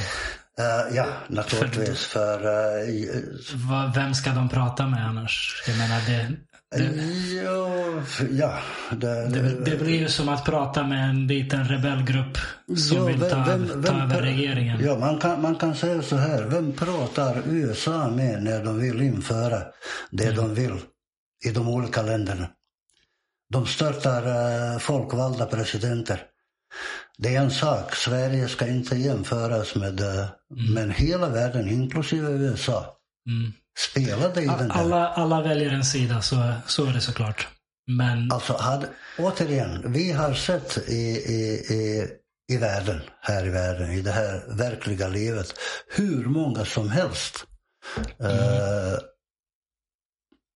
aktioner eller vad det nu är, där, där man i olika länder inte pratar med de som har makt utan störtar dem. ja, För att jag få till. Eh, Jugoslavien av någon anledning, eh, alltså där, Jugoslaviens öde, kortfattat. Mm. Vi, ja man kan ju säga det lite, lite med, med folkliga, vanliga ord. Visst var vi tillräckligt korkade för att liksom börja slåss mot varandra. Ja. Men eh, man får inte glömma att eh, omvärlden påverkade i den riktningen också. Mm. För hade... Ja. Så, Det, så, det hade kunnat gå annorlunda med det, andra ja, allianser. det, det tror jag och tre, Säkert. kanske inte. Men det kanske inte jag, jag ah, det är det- omöjligt att veta. Det är svårt att veta men eh, ja, vi, vi alltså jag och de som, som tänker som vi och i synnerhet nu när jag ser att det inte finns faktiskt någon principiell eh, riktning i, i, i utrikespolitik varken i USA eller i, i Ryssland. Allt löser man från fall till fall. Eh, det, det är inte ens ideologiskt. Mhm. Nu vet man faktiskt inte vem som styr den här världen. Nej, det, Politikerna uppenbarligen inte. Då är det svårt naturligtvis att veta eh, vad som stämmer eller inte stämmer. Men eh, jag är helt övertygad att eh, hade omvärlden velat, naturligtvis, då har vi den andra sidan, Ryssland. mhm. Båda, både, både västlandet och Ryssland måste vilja. vilja det. Mm. Ja, klart att det är ju en, en romanti politisk romantism. Det, det, Mm. det är som det är. Ja. Men Jugoslavien, vad jag vill säga är att jag tror inte att Jugoslavien eh, rasade samman bara därför att Jugoslavien var en dålig Mm. konstruktion. Visst, det var en dålig konstruktion. Ja. man Men det fanns andra krafter också. Ja, det, man, det, det kunde förstärkas, inte behövde raseras. Om vi, om vi backar lite, nu har vi kommit in på kriget lite, men om vi backar till Tito dog början på 80-talet, 82, 3? Tito dog eh, 80. 80, så tidigt. Tio, tio år efter honom började det här. eh, Det är det jag tänkte fråga dig. Den perioden, från att han dog till kriget som startade 91. Mm. Hur var den perioden? Kändes det som att det blev spänningar ganska direkt eller började det långsamt krackelera? Det, eller det började inte direkt. eh, Vi, vi, ibland brukar vi som var ju jugoslaver, jag är fortfarande jugoslav. Eh, Så det, fan, det finns ingen folk, inget folkslag som heter jugoslaver. Jag vet att det är ju konstgjort. Ja. Men jag är född i, ett land som heter Jugoslavien och jag har alltid bokfört mig som jugoslav. Okej. Jag kan inte vara bosnier eller makedonier eller något. Ja. Det att jag är född i Bosnien är ju bara en slump. Jag föddes bara i Bosnien. Ja, det är en slump att du var född i Jugoslavien också. Men... Ja, nej, men äh, att jag nu ska liksom falla ner till, Ja. till så små lo lo lokalismer, alltså bosnier, okej, jag är bosnier. Eh, Precis som jag berättade om hur vi betraktade varandra, makedonier. Det, det, vi var bara från olika delar. Alla och- var jugoslaver. Ja, alla var ju jugoslaver på sätt och vis. Eh, nu, nu har jag kommit av mig. Vad, Ja, frågan var me- mellan Titos död och kri- krigets start. eh, ja vi, vi som är jugoslaver, eh, vi, vi, ibland eh, vill vi tro att de var rädda för Tito även om han, när han var död. Så de vågade inte direkt, men eh, naturligtvis det skulle vara naivt att tro. Motsättningarna fanns tidigare. Eh, de började inte direkt. För ett par år var det liksom en tröghetslag som gällde Tito, utan Tito, honom. mellan, mellan oss men med Tito framför oss. Alltså, vi, vi vanligt folk eh, hoppades och trodde på, på den lösningen och lösningen hette att eh, Tito ersattes av åtta män. Alltså ett presidium Okej. bestående av eh, en representant från varje republik och sen en representant från eh, armén. För Titos eh, armé var ju hans instrument. Och sen var det kommunistpartiets ordförande. Ja. De åtta personer, personerna styrde Jugoslavien men det tog inte lång tid innan man såg att alla drar åt olika håll. Mm. Det var inte kul. Nej. Samtidigt som eh, den ekonomiska krisen som i och för sig eh, gällde också här i, i, i västlandet men hos oss slog det. Så, och naturligtvis när, eh, när en ekonomisk kris uppstår så är det ännu lättare att skylla på de andra. Ja. Så det blev mycket lätt för Slovenien att säga att ja, vi, vi hade varit rikare om vi inte hela tiden behövde i den här eh, Jugoslavien eh, finansiera de, de fattiga delarna. De fattiga delarna eh, anklagade de rika som man brukar göra. Ja, vi är fattiga därför, ni är rika därför att vi, alltså det började. Och eh, ja, det började väldigt eh, snart eh, rasa samman. Men just då dök upp den här eh, Ante. Ante Markovic, den här... eh, Och han ordna, organiserade ett parti som, som var liberalt. Ett parti. Ett parti. Han startade... Vi började Ett nytt, ett nytt parti. ett nytt parti. För redan då började Jugoslavien omvandlas från ett partisystem till, eh, till eh, fler partier, alltså till... Mhm. Så ja. det, blev, det, blev det lagligt? Gjorde man det, Det, det, lagligt? blev, att... det blev lagligt för, eh, eh, Okej. jag tror det var 1990, hade vi eh, Mm. ett, ett val i Jugoslavien där kommunistpartiet förlorade katastrofalt. Okej. Om naturligtvis man ska tro på, för det är svårt att tro på någonting i, i, i lä- länder där man påverkar val. Och, men siffrorna i alla fall säger att det var ju 2 procent. Att kommunistpartiet fick 2 procent. Ja, alltså kommunistpartiet blev... Oj, det, det låter svårt att tro. Så det, det kom, blev slaktat, Ja. återigen, om, om man ska tro. Det här Ante Markovic parti, Ja. eh, ett demokratiskt, eh, vad heter det, nu försöker jag översätta det till eh, Sverige, men i alla fall, det, det var inte nationalistiskt rep, kopplad med någon rep, republik. Okej. För alla de här partierna tillhörde bara de respektive republikerna. Ingen på nationell nivå. Förutom den här. Och jag blev direkt intresserad av det partiet och många. Och när man frågade folk vem de har röstat, ja, de, de har röstat på Ante Markovic och hans, Okej. hans parti. Så det partiet vann? Nej, vann 4 procent. 4 procent. alltså det var ju... För, för Vänta, okej. Kommunistpartiet fick 2 procent. Det här partiet fick och det 4 här, eh, procent. bästa- Var, var gick alla röster? Till nationalistiska partier. Okej, så Och då såg vi pro-serbiska, pro-kroatiska. pro-bosniska, Okej, eller okej. pro-muslimska på den tiden. Uh, pro-slovenska, alltså pro. Okej. Alla, alla Fan. bara delade upp sig Alla snabbt. bara, och då fanns det ingen liksom... eh, Ingen, Det här var Jugoslaviens första demokratiska Det var val? Jugoslaviens första.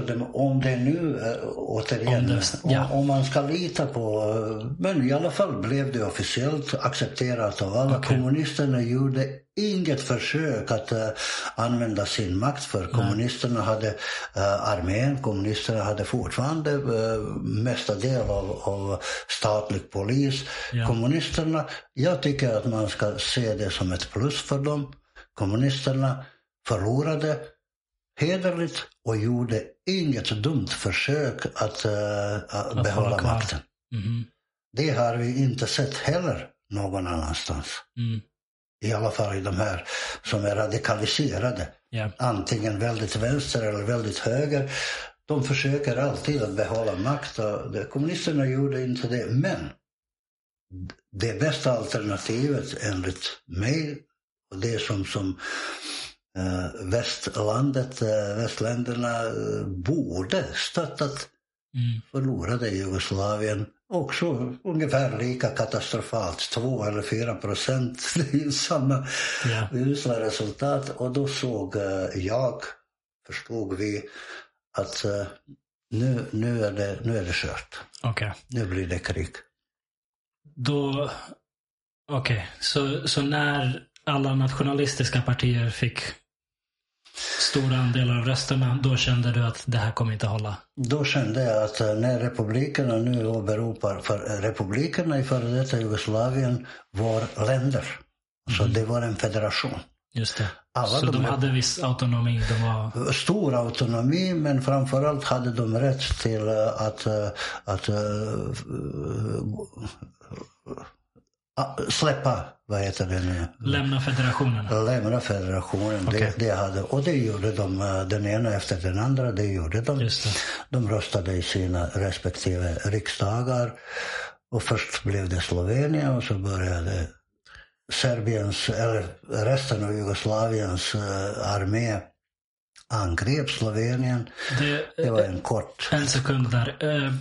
De hade autonomi, men de hade ingen egen militär. Utan det var De hade Jugoslavien som hade militär, militär. men det är också lite komplicerat att förstå. Eh, Eller egentligen inte. Till och med Sverige hade den här allmänna eh, Mönstring eller eh, Pl- plikt. Eller kärn, Plikt. allmän kärn, vad, gud, vad heter det? ja, Värnplikt. Värnplikt, just det. Man hade ju en, en, stående, eh, ett, en stående armé. Eh, De som, I Jugoslavien var det inte så få. Det var ungefär 200 officerare, soldater och så vidare. Det är de som, som, som var ju, tjänstgjorde som proffs. Men alla republiker hade, hade lätt beväpnade. Alltså alla för Jugoslavien byggde sitt försvar på att varenda kotte skulle slåss mot eh, ja, de som angriper. Alltså jag var väldigt, väldigt inriktade på att försvara Jugoslavien. Mm. Inte för att eh, angripa. Och därför hade varenda kommun, alltså varje republik hade sina egna styrkor. Okej. Beväpnade. Beväpnade, och som man magasinerade uh, lättvapen eh, och så vidare. Till och med kanske lite mer än lättvapen. Uh, och allt det där stod under federal. Mm, men när republikerna uh, röstade igenom o- om sin självständighet så fick de behålla sina, Mhm. sina va- sitt vapen. Det var som var inte på deras mark. det som var på deras mark. Så plötsligt fick de eh, någon slags, Ja. vad heter det nu på svenska? Det finns ju också. eh, Sverige hade det. Reserven.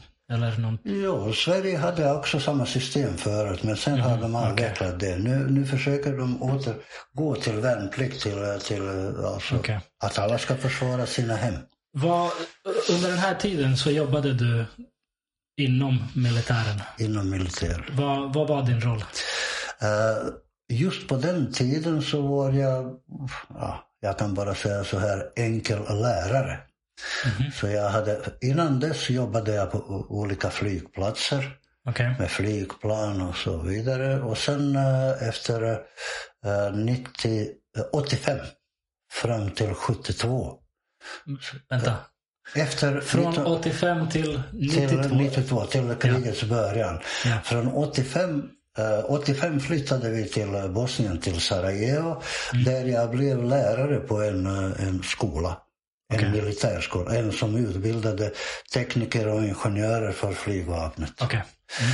Så på den tiden var jag, visst hade jag, jag var major när flyget, kriget började, men jag var i princip som ingenjör var jag bara lärare. Okay. Vi, vi var väldigt många uh, ingenjörer uh, som hade doktorerat, magistrerat och så vidare som vi var undervisade. Ja. Så det, det var, min roll var inte på något sätt mm, vad heter det, aktivt militärt. Okej, okay. du var mer en lärare inom ja, det militära? jag var en ingenjör. Okej. Okay. Ja. Vi behövde ta en kort paus där. Jag kommer tillbaka nu. Så du jobbade då när precis inför kriget då, så jobbade du som någon sorts lärare i, ja. inom det militära för en skola i var sa du det var? I Sarajevo? I Sarajevo. Det var en teknisk, uh, flygteknisk utbildning för uh, tekniker. Mm. Uh, alltså gymnasial utbildning. Och en högskoleutbildning för ingenjörer. Okay. Som kommer att jobba i, i, inom flygvapen. För flygvapnet hade sina egna utbildningar, sina egna skolor. Okay.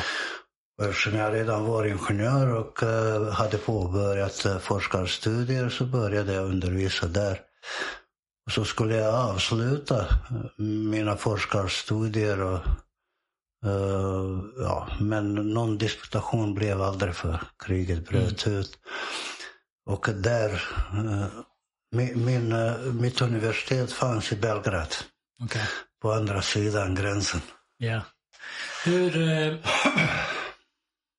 hur började, eller hur, för dig, för din verklighet, hur började kriget? Hur fick du veta att nu är det krig? Vad, vad, vad betyder det? Jag, mm. jag kan inte ens föreställa mig hur det sker. Vad, hur gick den utvecklingen i din uh, vardag? Vi har redan nämnt att uh, eh, 1990 fick Jugoslavien sitt, sitt första demokratiska val, om, man, mm. om det nu var så. Ja. Alltså när man skramlar med vapen så är det väl inget demokratiskt. Men så var det i alla fall. Eh, och, eh, men redan 91 eh, det började turbulenser, politiska turbulenser började i, i parlamentet, i Jugoslaviens parlament. Det började öppna motsättningar mellan de som var lite mer inriktade på liberalism, på eventuellt, fast jag tror att det är bara liksom det man pratar om. I grund och botten handlar det om att Serbien som Jugoslaviens starkaste republik vill bevara och rädda Jugoslavien, alltså i citationstecken. Mm. Egentligen ville de dominera. Mm. Och det har framförallt Slovenien genomskådat, uh, hade genomskådat för länge sedan. Kroatien mm. hoppade på. Alltså det började en, en um, stor turbulens. Uh, en del av serbiska uh, politiker som fortfarande var kommunister, kommunistiska partiet, alltså, försöker till och med göra en kupp. Uh, okay. att liksom, man försökte olika politiska finter uh, påhitta att uh, det ska likna en politisk lösning men egentligen uh, var det ju hegemonistisk för ut, utifrån det här perspektivet. Många tyckte att det var slovenerna som förstörde Jugoslavien. De vill bryta sig ur. Mm. För min del var det inget konstigt faktiskt. Jag är inte så jättepolitiskt smart. Jag, jag tänkte redan då, det, det, det var en intressant, alltså när man eh, angrep Slovenien eh, Och då menar jag jugoslaviska armén angrep Slovenien därför att eh, eh Slovenien eh, dagen innan hade utropat eh, sitt självständighet och då började man invadera. Det var ju för sig ett litet krig. Det- Det blev inte så, så blodigt som i resten av Jugoslavien. Men då råkade jag vara uh, officer on duty, va? vad det nu heter, uh, officerare som eh, i, i, Sarajevo stad hade man en, alltid en, uh, uh, en jourofficerare. Mhm. Officer. Officerare. Officerare. Och då råkade jag vara den natten. Den natten då jugoslaviska armén anföll Anföll Slovenien. Slovenien. Okej. Nu minns jag inte, kanske var det den 10 maj. Jag är inte bra på, på exakta datum. Men i alla fall, det var de första skott som avfyrades. Eh, det, det blev eh, ett tio dagars krig. Det, det blev också offer. Men vad, vad innebar det att du var officerare? Vad, vad betyder det för dig? Fick, I, va, i fick varje, du... i var, eh, för mig betyder det ingenting. Utan jag råkade bara befinna sig i, i, på det stället där man är högsta officerare i Sarajevo. Okej. Om någonting skulle hända, det, det vet Okej, jag. så du behövde höja beredskapen? Ja, för man, att man, skulle kunna egentligen inte, utan det är ju mer... eh, jag, jag vet inte riktigt vad jag hade kunnat som, som, eh, som en sådan officer den dagen. Och det var inte poängen. eh, Det hade inte med Okej. eh, själva saken att göra. Eh, Men eh, på morgonen skulle jag gå hem och någon annan skulle ta över den här eh, jouren och så vidare. Och så samlades en del officerare. Ja. Somliga var flygare i, i blå uniformer, somliga av oss var arméofficerare. I den där gruppen och så diskuterade man jätte, liksom besviken på Slovenien. De ska vi bryta, de är svin, de ett, alltså hur gör man? Alltså att lämna Jugoslavien, det får man inte tillåta. Jag vet inte hur det kom ur mig överhuvudtaget. Så det, då sa jag till dem, och det var korkat. Då. Att, offer, att offentliggöra vad man tänkte, men jag tänkte inte på det utan jag, Vad sa du? jag sa till dem, men eh, varför ska det vara så konstigt? Om, om min fru inte vill leva med mig, ska jag döda henne? Mm. Hon vill lämna mig. Okej, om de inte var... Alltså jag, jag var ju fullständigt Naiv. Naiv. Fast det, det är inget naivt rep- De hade rätt. Va? Ja, det, det, Men, det, eh, det är så man borde reagera kanske. Men, Men det är så, men det man borde inte säga... Det, det borde man inte säga, ha sagt. Det borde man inte säga offentligt i en sån situation. Jag, alltså, jag var inte medveten om att jag riskerade jag vet inte vad. Att arresteras. För det är ju Säkert. krig faktiskt. Säkert. Det var ju krig redan. Ja, pl- plötsligt är, är en sån kommentar jag var ingen, liksom, jag, jag var ingen politisk, eh, alltså jag var ingen civilist. Jag var ju en officerare som gör vad, vad, vad man blir tillsagd. Och när man vet att man har en förrädare bland, eh, de, bland de sina. Men i alla fall så eh, för mig var det helt okej. Alltså det var inte okej att, att eh, angripa dem. Nej. Men att Slovenien vill befria sig från någonting som de inte trivdes med, det är väl... Ska vi därför... Av den anledningen, liksom, vad, vad försöker vi nå? Blev, eh, blev det någon reaktion när du sa så? Ja, de Blev, kollegorna... blev du fast- disciplinerad eller? Nej, det blev, eh, tack och lov, det blev eh, inga påföljder. Alltså jag Okej. har, efter det samtalet har jag aldrig hört eller annat än att, att någon Um, ingen anmälde mig, alltså ingenting på det viset. Men eh, för, konstigt nog för mig var det, inte konstigt nog, utan det, för mig var det så. Så, Ja. så var det. Så den som inte vill vara i, en, i ett gemensamt land, eh, dessutom finns det grundlagar. Ja. Landet hade ju, de hade ju rätt att göra det. Så det, för, för jag var väldigt demokratisk eh, trots att jag i, inte har eh, haft någon demokratisk eh, utbildning i någonting. Men för mig var det helt normalt. Alltså, vad ska vi lösa med, med krig? Mm. Kan vi liksom tvinga dem att älska oss? Låt dem gå. Så blev det inte. Men i Slovenien, eh, alltså det var 90, 90, 91. 91, våren 91, kanske mm. början av maj. Vi okay. fattade inte att det var... Sen fortsatte kriget. Man lämnade Slovenien, man brydde sig inte särskilt mycket. Slovenien Nej. var ändå annorlunda. Men Kroatien ville man inte släppa. Mm. Och då började det.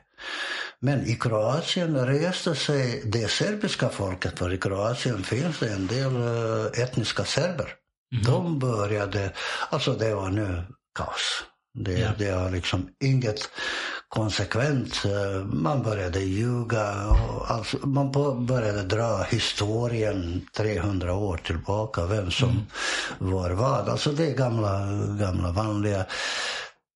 Men, eh, och, och det finns en, en, ett flyg, en flygplats uh, i staden Zadar mm. i mhm. Kroatien. Där det finns, där utbildas piloter. När de har gått min gymnasieskola så går de till den här staden Zadar där det finns flygakademi. Och då får de sin grundutbildning och efter det går de vidare till supersoniska eller helikoptrar eller vad det nu är. Men de ja. första tre åren är där. Och där eh, började de kroatiska beväpnade styrkorna. Kroatien naturligtvis också förklarade sig självständig ganska snart och då började strider där runt omkring det där. Eh, kortfattat så fick vi eh, folk från Zadar, de förflyttades till Sarajevo. Mm. Det var den första gången jag såg flyktingar. Okej. Okay. De placerades i, för, i, i det här skolcentrumet eh, där jag utbildade, undervisade. Det var ju väldigt stort. Det var över 1000 1000 själar som jobbade där och uh, våra elever och så vidare. Det fanns ju internat, det finns plats att, att uh, placera folk. Och när flygvapnets styrkor i Kroatien blev tvungna att lämna, mm. deras familjer också, mm. då en del av dem, många av dem, placerades hos oss i Sarajevo. Okay. Okay. Och naturligtvis de hade olika uppfattningar om vem som bar skulden. Men eh, det, det, då började jag förstå att någonting händer. Okay. Jag vet inte hur det, hur det kommer nu att låta men uh, inte ens då förstod vi. Vi samlade förnödenheter för de här flyktingarna. Vi tog emot dem som, som man ska uh, flykt, uh, göra med, med folk i, i nöd. Men vi förstod inte att kriget var där. Att det var krig. Fortfarande kändes det som, jag vet inte vad. Okay. I april 1992, mm. nej i mars 92, alltså ungefär åtta månader efter det, nästan. Mm. nästan ett år, så gjorde man först sin generalrepetition att uh, starta krig i Bosnien. Det var de serbiska mm. styrkorna okay. som i så mars... Jugoslaviska armén Ja, vi trodde faktiskt inte att jugoslaviska armén var eh, fortfarande vår armé. Vi hade då ingen N aning. När du säger vår så tänker du Jugoslav? Jugoslaviens. Då, ja. då trodde jag, eh, fortfarande trodde jag att eh, jugoslaviska armén kommer att göra någonting, vad man kan. Uh, problemet var, och det var jag medveten om, att uh, jugoslavisk, den jugoslaviska armén var projekterad och tränad för att bemöta fiender från utlandet, men inte att göra sådana här saker mm. hemma. Yeah. Men det var ändå inte främmande för mig att uh, okej, okay, vi har vapen, vi, har, vi är ju Titos officerare, vi är jugoslaver i, i, i ideologiskt sätt. Visst serber, visst bosniaker, kroater, men vi vill ha en, ett Jugoslavien, Jugoslavien utan krig. det här måste lösas. Vi ska, alltså, alla de här nationalistiska styrkorna och politikerna var våra fiender. Yeah. Men, ja. Så trodde vi i alla fall. Men när, under när du säger vi och vår, hur stor var den gruppen egentligen? eh, Fanns det många som du inom militären det, och i alla jag pratade med, så nu, nu kan det vara 15 personer eller 10 personer, man, man fick en känsla att vi, vi är i en överväldigande majoritet. Okej. När jag säger vi så menar jag alltså de, oss som inte, eh, inte bryr oss om vilken nationalitet vi, vi så, det, ett normalt liv, det är det som ska vara, inget krig. Ja. Jugoslavien, okej, låt politikerna reformera, eh, men inte eh, med krig. Fanns det folk i, i ledningen som tänkte som ni? Mm, Militärens ledning, Officiellt, högsta, högsta officiellt tänkte jag ingen uttalade sig annorlunda. Okej. Och det var det som lurade Mm. mig. Uppenbarligen var det här jobbet gjort för länge, länge sedan. De Mm. viktigaste officerarna i, i högsta ledningen eh, och framförallt naturligtvis menar jag Serbiens, se- de serbiska, de som hade mest eh, Inflytande. inflytande, inflytande. De hade förberett det långt, långt innan. Så vi, vi var allihopa, vi, då menar jag den här lilla gruppen, Ja. eh, som jag, eh, som mig, eh, dragna vid nä, näsan. Och när, när, det, när det började så började det ordentligt. Alltså det var ingen spontan. Ja. Det var väl organiserat.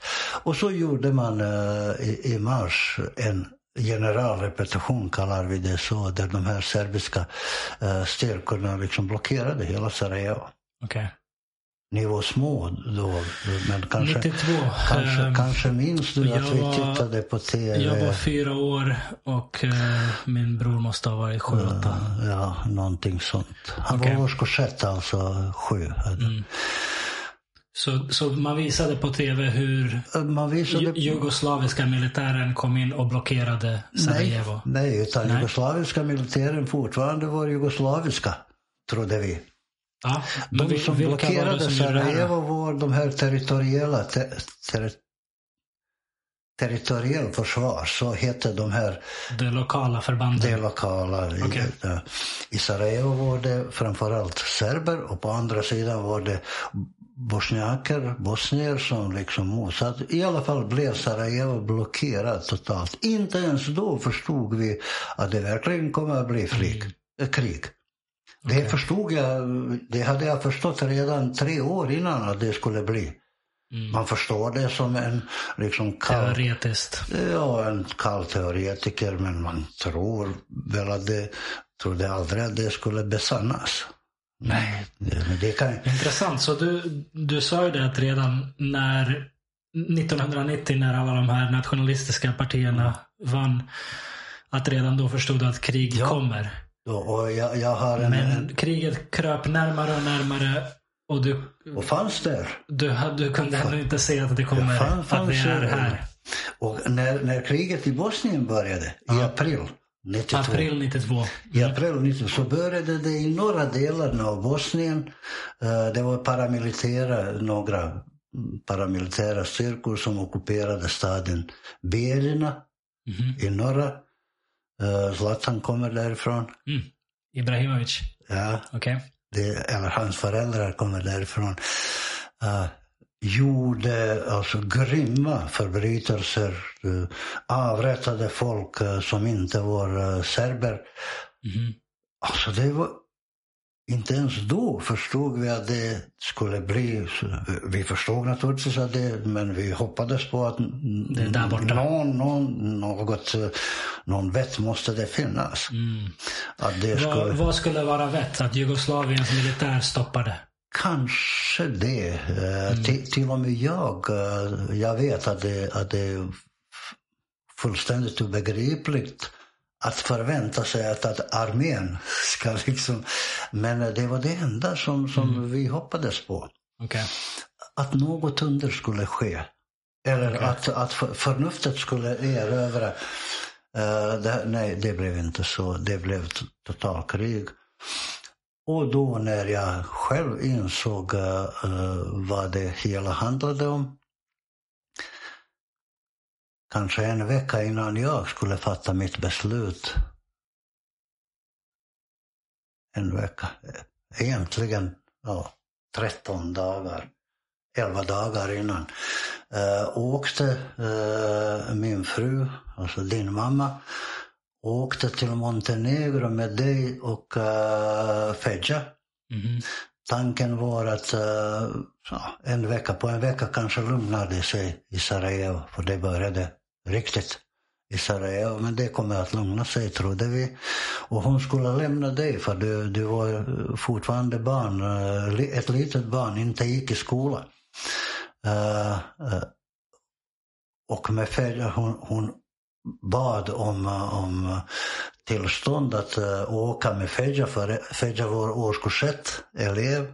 Mm, hon, fick börja skolan om tillstånd att... Ha, av skolan, ja precis som här. Alltså man, man ber uh, rektor om, om, eh, om det är okej. Okay. Jag måste mm. resa mm. ner till Montenegro för att lämna lillen, alltså dig. För mm. att lämna dig där nere och om en vecka så kommer hon tillbaka med Fedja.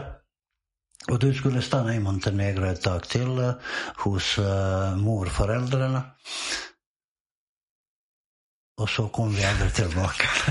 det har gått 29 år. Än idag har, vi, har, har ni inte jag, kommit tillbaka. Jag undrar hur arg den där skolan är på att vi inte är tillbaka. det blev, eh, okay. Skolan blev ruinerad. Och då, vi, då förstod jag själv att eh, nu, nu, nu... Vi lämnade, alltså mamma, och brorsan och jag. Elva dagar innan du tog ditt Den beslut. Den 5 april, dagen innan kriget skulle börja. 5 april och 6 april började kriget började. i Sarajevo. Utan vi visste inte att det skulle bli så. Alltså ni lyckades... Ren tur. Ren tur. Ni lyckades bara åka med en sista buss. Mm. Fast vi visste inte att det skulle... Nej, såklart. Vi kunde ha väntat ytterligare några dagar och stannat kvar. Då hade vi varit fast som så många andra. Mm. Ja, det gäller att ha tur. Um, du sa att vi åkte elva dagar innan du tog ditt beslut. Vad, vad menar du med det? Jag hoppades uh, fortfarande på att uh, de här uh, styrkorna, alltså vi, vi normala människor skulle sätta oss emot det här. Det, det får inte bara liksom, vi får inte låta de här nationalisterna och de här eh, paramilitära. Så det kan inte bara så, eh, bli så. Vi... Men snart, sakta, egentligen inte sakta, det gick liksom från timme, från timme till timme att, att man började visa sig vad man egentligen tyckte. Mm. Och då insåg jag att, eh, ja, jag har, jag har blivit lurad. Vi är faktiskt inte så många. Var inte så många som tänkte som du. vi, vi var inte alls så många. Aj, aj, kanske, kanske tio stycken bland de här. Eh, okej, okay, jag, jag kände inte alla tusen uh, människor där i det här skolcentrumet. Jag pratade inte ens med hundra. Men uh, jag lyssnade på hundra mm. som, som inte längre brydde sig om att dölja sina åsikter. Uh. Tror, tror du att folk hade de här åsikterna och ljög tidigare? Eller höll dem tysta? Eller tror du att när det hettade till och man var tvungen att välja sida så valde folk sida? Uh, Medan de hellre hade valt Jugoslavien till exempel. I, både och.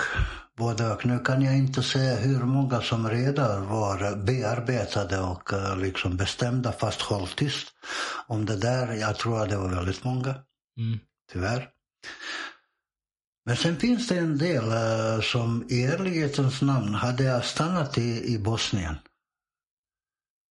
då har man inget val än Nej. att välja sida. Precis. För man, man kan inte gå i affär, till affären och köpa. Ingenting funkar. Ingenting, mm. ingenting är öppet.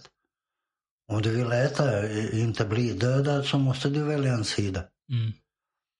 Och när jag insåg att det var på det viset för jag hade lite samtal med folk som på den bosniska sidan och jag blev faktiskt erbjuden att uh, lämna armén och flytta till Bosniens armé som enligt mig var lika nationalistisk, kanske något mindre nationalistisk men ändå nationalistisk uh, och inte vill höra om att några serber eller några kroater ska vara med. Alltså det var väldigt komplicerat när jag mm. fick veta från de mina i citationstecken att Nej, vi vill inte ha med de andra att göra. Mm. De ska bara dödas för det, det är ja. avskum. Då bestämde jag mig att nu lämnar jag skiten helt och hållet. Okay. Jag lämnade över mina uh, vapen och allt jag hade till min chef. Jag hade inte avfyrat ett enda skott. Varsågod, allt det där när, det, när partisaner dyker upp, för partisaner kallar jag för jugoslaver, när mm. partisaner dyker upp, ropa på mig så kommer jag. Men i sådana här nationalistiska uh, arméerna vill jag inte vara.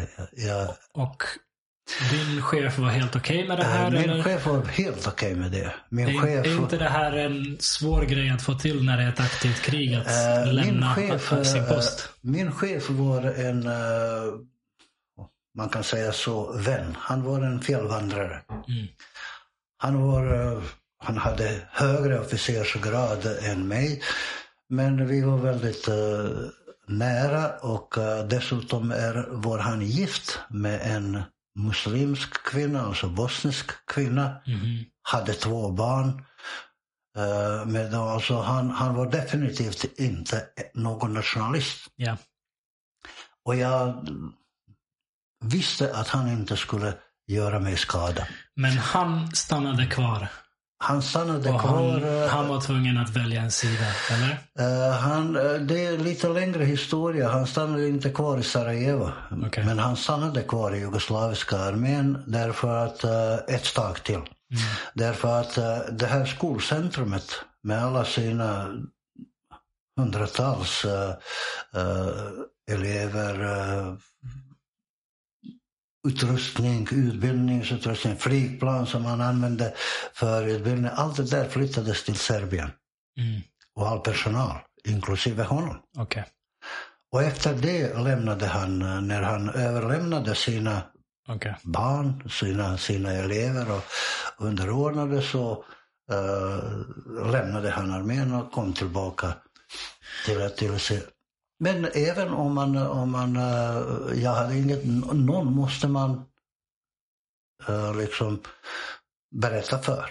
Mm. För vill du lämna så måste du lämna. Eller man måste inte, man kan man emigrera kan fly, bara. Men det är komplicerat. Jag, nej, jag ville ha det rent. Ja. Och då sa jag till, till honom, jag tänker inte stanna i Bosnien heller. Mm. Hjälp mig att uh, förenas med min familj.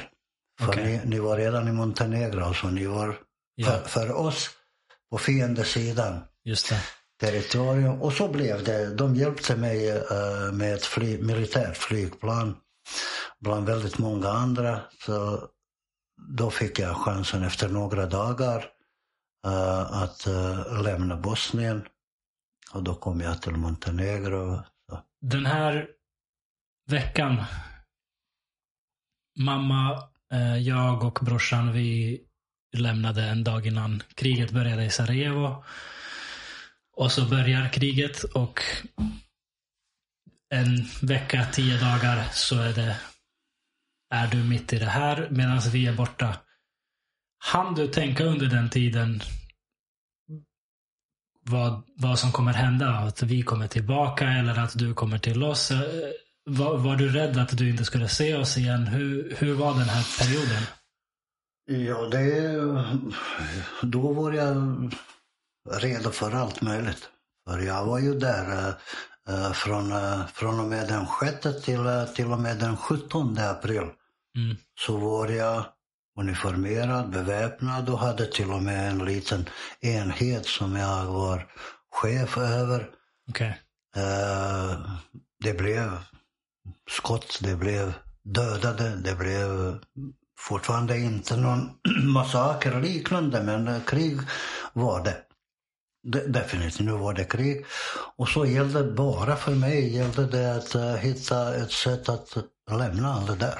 Okej. Okay. Du visste direkt att du, du ville... Nej, det, jag, jag visste. När, när jag förstod att det inte fanns några partisaner, alltså ja. att det inte fanns några styrkor som, eh, som jag skulle ansluta mig till. När jag förstod äntligen att den jugoslaviska armén inte längre var jugoslaviska utan att den var ju helt och hållet överlämnad till Milosevic och uh, uh, den serbiska, serbisk nationalistiska gruppen. Då, då fanns det bara ja. två alternativ. Det ena att lämna och alla vi kunde lämna, alla vi som inte var serber. Mm. Vi fick lämna helt utan problem. Mm, okay. Det var fortfarande kollegialiskt oss emellan. Från och med det, jag minns ju alla de som bara en dag kommer de och säger jag lämnar. Okej. Okay. Då vi som var vänner kramades men, men officiellt uh, gjorde man inga som helst uh, grymheter eller någonting. Man fick fortfarande lämna. Varför jag inte lämnade var att jag uh, väntade på att ett visst datum, den 15, skulle passera. Varför då? Ja, därför att den bosniska regeringen utlyste en uppmaning till alla bosnier att lämna den jugoslaviska armén fram till den 15 då betraktades de som okej. Okay. Mm -hmm. De får eh, behålla sina officersgrader, eh, sina positioner och så vidare. Den som inte lämnar fram till den 15 kommer att betraktas som icke önskvärd bosnier. Och du ville betraktas Jag ville inte som... betraktas som en önskvärd bosnier. Jag lämnade äh, äh, den 17, två okay. dagar, två dagar efter. Så du, du, ville inte vara välkommen någonstans? Jag ville inte, inte förena mig med de bosniska nationalisterna. Jag, jag, ville inte vara en del av det. För innan dess hade jag samtal med bosnierna. Som, mm, mm. Och en av tillräckligt högt uppsatta bosniska uh, inflytelserika män sa till mig det jag inte ville höra och det är att nej, det, ja, det, det är ingen plats för, för, för mig, insåg jag. Jag förstår. Uh, och uh, då ville jag inte vara där heller. Hade du någon kontakt med oss? Ja, ja, vi kunde ringa. Det fortfarande vi funkar. Det fortfarande. Till och med väldigt gratis. Där jag, jag hade en utpostering i ingenstans. Okay. någonstans. Uh, det var en sportflygplan. Det fanns ett hus där. Men det, det är en längre historia. Ja. för... Du kunde höras med oss i alla fall. Vi du visste att vi levde, vi visste att ja, du levde? Ja, där, där fanns det en telefon där. Okay, okay. och alla ringde till och med. Vi delade. Mina fiender. Ja. Men fast det, det, då måste man förklara det. Ja, ja. Eh, lite av de bosniska fiender. Ja, lite av, av de bosniska styrkorna stannade kvar för att försvara det här sportflygplatsen.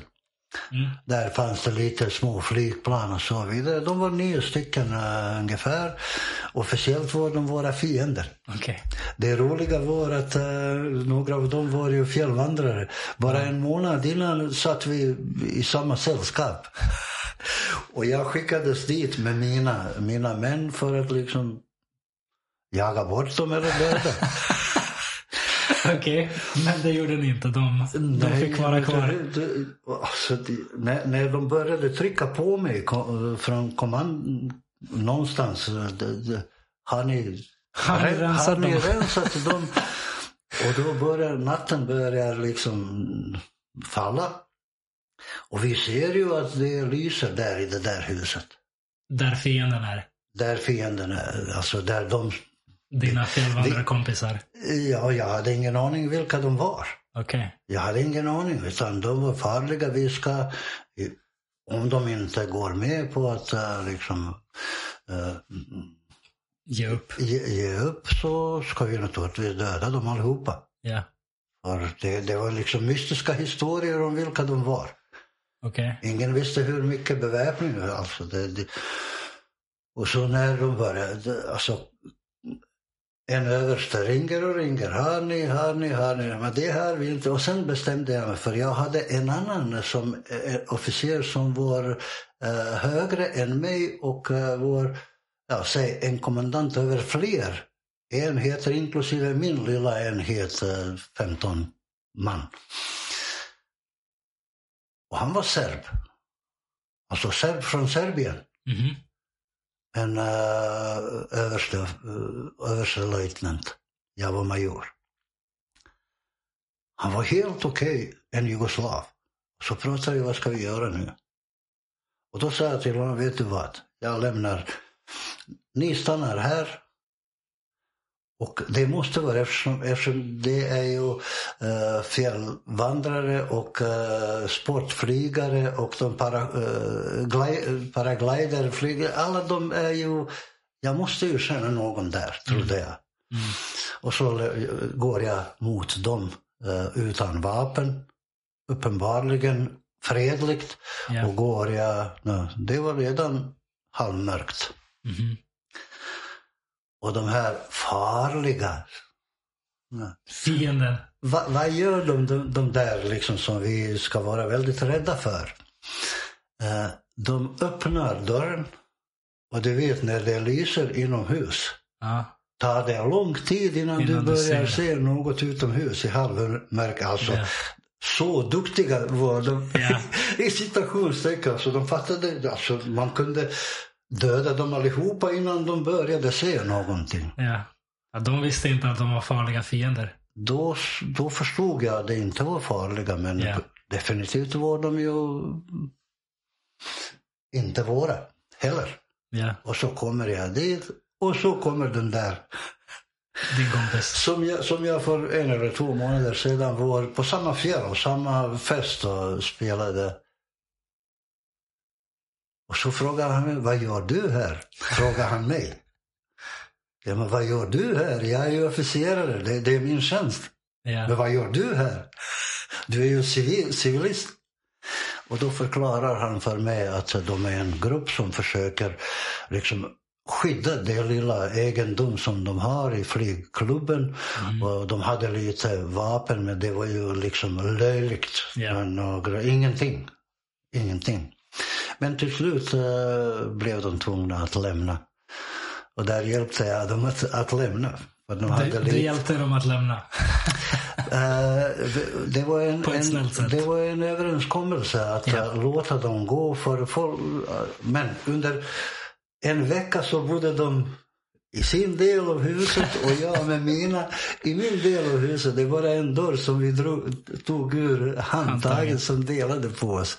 Okej. Och eh, situationen ändrades från timme till timme. Usch, vad Eh, konstigt. Ena dagen var vi vänner, officiellt.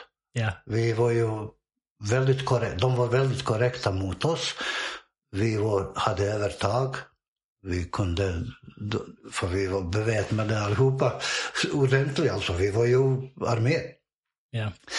Eh, Men de, de uppförde sig korrekt, väldigt fina. Det visade sig att det bosniska, att de inte bara var bosnier, eh, bosniaker Nej. utan kroater och bosniaker. De var blandade och de tillhörde någonting som hette Bosniska liga, ligan. Och så, de, de var uh, någon slags bosniska romantiker. Ja. Mycket gärna hade jag tillhört dem. Mm. Jag hade inte under den tiden inget emot det där. Ja. Men den här bosniska eh, romantiska gruppen, det, det varade inte särskilt länge tyvärr. Nej. Men till slut blev det så, en dag kom deras chef eh, till mig och sa vi måste lämna. Kan du hjälpa oss att, att eh, för de kan ingenstans därifrån. Ja. Det, det är utanför Det stan. fiender överallt. Det, ja, men det är, vi är där. Det är, de, de blev bara en liten oas för att nå Sarajevo, staden där de hör hemma. De var tvungna att... Nej, alltså de- det skulle de inte klara. De skulle behöva passera minst hundra posteringar Ja. Fram till Gamla stan Ja. Sarajevo. Och så förhandlade jag med eh, mina chefer. Det är ofarliga människor, eh, låt dem gå. Ja, det, det ska de i, en militärfo, i ett mil, militärfordon eh, så att ingen skjuter på dem. Ska de överlämnas på den här gränsen mellan oss Okej. och dem. Men de får inte ta med sig Sina vapen. mer än hand, hand, handeldvapen. Ja, ah, okej. Ja, det, det de har. Okej. Och så blev det lite problem där. Och de hade handgranater. Då. Och så den, eh, det var en, en, min före detta elev Mm. som jag tog väl hand om. Han var inte så duktig elev. Jag hjälpte honom. Eh, Det var han som, som eh, visiterade. Och så tar han den här handgranaten och Mm. tittar på mig. Vad ska jag göra? Och jag, jag ger honom en vink. Låt dem gå. Låt bli. Ja. Och han funderar en 20 sekunder. Mm. För han hade, trots att jag var major och han var bara eh, en underofficerare så hade han som militärpolis. Kanske min, mindes han att jag var snäll mot honom så Ja. släppte han dem. Så, så den här historien slutade fint. Ingen dödades, ingen. Okej. Och det är också bra för mig att, att eh, jag skulle inte kunna återvända till Bosnien. För Bosnien hade, bosniska regeringen hade utfärdat, uh, vad heter det på svenska? Jag vet inte. Undantagstillstånd? Nej, efter mig. Ah, jag, jag var Du efterlyst. var efterlyst. efterlyst. Jag Du var, specifikt. jag specifikt och alla som jag som inte fram till den 15 Lämnade. infin, infunnit sig Mm. Okej. mm, på rätt sida. Okej. Ja. Men sen fick du den 17 lämna och tog dig till Montenegro. Den 17 lämnade jag in ansökan om att avsluta min tjänst. Okej. Och eftersom då var, då var det redan farligt, för det var inte fram till den 15. Eh, utan för, efter den 15 så började det bli lite, lite dålig stämning i, bland oss också. Man kunde inte lita på vem som helst. Ja. Så min chef sa till mig, nu ska jag skriva eh, ett tillstånd, eh, skriva på så får du lämna eh, kasernen. Eh, och så åkte jag till vår lägenhet. Eh, det tog tre, fyra dagar. Den 21 eh, fick jag och min bror som också bodde där fick eh, möjligheten att eh, ta ett flygplan, ett militärt flygplan. Så under tiden flyttade jag från lägenhet till ett annat ställe, till ett tredje ställe och till slut... Eftersom du var efterlyst. Det visste jag inte. Jag, Aha, jag okej. hade ingen aning att jag var efterlyst. Det fick vi veta först eh, i efterhand. Så var, varför gick du från lägenhet Utan till lägenhet? Det, det, jag vet att eh, det är svårt att eh, bevisa att du inte är för jag har ju det här tillståndet att vara, jag är fortfarande officerare. Mm, Okej, okej. Jag har först ansökt och jag Ja. har ännu inte fått någonting. Jag, jag är fortfarande eh, på fel, alltså fel officerare. Ja. Så med det här tillståndet kunde jag klara det som de mina, mina för, alltså den serbiska armén eh, härskade över. Men Okej. om jag skulle bli eh, arresterad i den muslimska delen av staden så hjälper inte det mig. Just det. Men jag var ändå på den muslimska delen av staden hela tiden eh, hos vänner. Mm. Så man, man var ändå lite försiktig för man vet aldrig. Och under hela den här tiden så skjuts det omkring eller? Har Och redan då- börjat det, mycket? Det var, det var kaos. Det. var- Då var det redan, Sarajevo slaktades redan då. Det var bara fyra dagar från den 17 till den 21 Mm. som jag var där. Jag var på tre ställen. Första natten hemma hos mig, andra natten på ett tredje ställe och sen var jag två dagar hos vänner som var lite närmare flygplatsen. Men eh, allt det där var ju under bosniernas... Uh, Var du i någon... Var det skottlossning nära dig? Var du Ja, ja, i, ja, i fara någon av de dagarna? usch, jag minns hur, hur jag skämdes. För det var ett gammalt par som bodde vägg i vägg med oss. De, hade, de bodde kvar där. Så när jag kom till min lägenhet så kom jag från öppna landskap. Så när man skjuter där känns det, det hörs nästan ingenting. Det är liksom, det, det är inte, och det är inte heller mm, mycket heller. Men när jag kom in i, i det urbana i staden och när den för, något exploderade utanför fönstret så föll jag ner så, så, som en fegis. Och de två gamlingarna sitter, de var redan vana. Ja, de reagerar inte. Ja, de redan- Men det, det sköt, för vår lägenhet befann sig egentligen i epicentrum. Mhm. För det är där kriget i Sarajevo började. Ja. Bara några hundra meter ifrån oss eh, hade vi en militärskola. Mm. Därifrån började man skjuta direkt på Sarajevo. Nä, Närmast, för det var bara... Ja. Men innan dess var Sarajevo redan omringat från de här höga fjällen. Så det, Ja. Okej, och du lyckas ta dig ut. Du får eh, skjuts på ett militärflyg till Till Belgrad. Först Belgrad. Först Belgrad eh, Okej. och eh, det var också lite dramatiskt att landa ner i Belgrad. Man vet inte hur Nej. de ser på oss. För jag fick plats i ett flygplan som evakuerade civila, de civila dygnet runt, dygnet runt, dygnet runt. Det var ett stort flygplan. Civila, Civila serber från- som de tog till Serbien. Framförallt ja, naturligtvis serber. Ja, ja. De, de tog hand om de, de sina. ja, Ja. som alla. Men jag, eftersom jag, det, det är mina kollegor som ordnar sådana saker. Det var ett jättestort eh, transportflygplan. Man hade tagit bort alla säten, allting. Det var bara golv. Ja. Golvet där. Jag tror att det var minst 400, 500 personer som var så som, som sardiner fullpackade. Så. Okej. Och så flög vi. Det är inte lång flygning, det är en och en halv timme. Men så gjorde man så, så att bekvämt. så många, ja, inte bekvämt, det spelar ingen roll, bara man liksom lämnar. Mm. Men när man kommer till den serbiska territoriet, territorium, alla är välkomna, men är jag välkommen? Mm.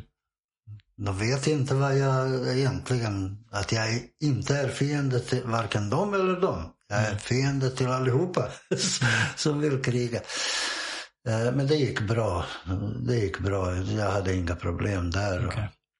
Efter ett tag så kom jag eh, till Montenegro. Så.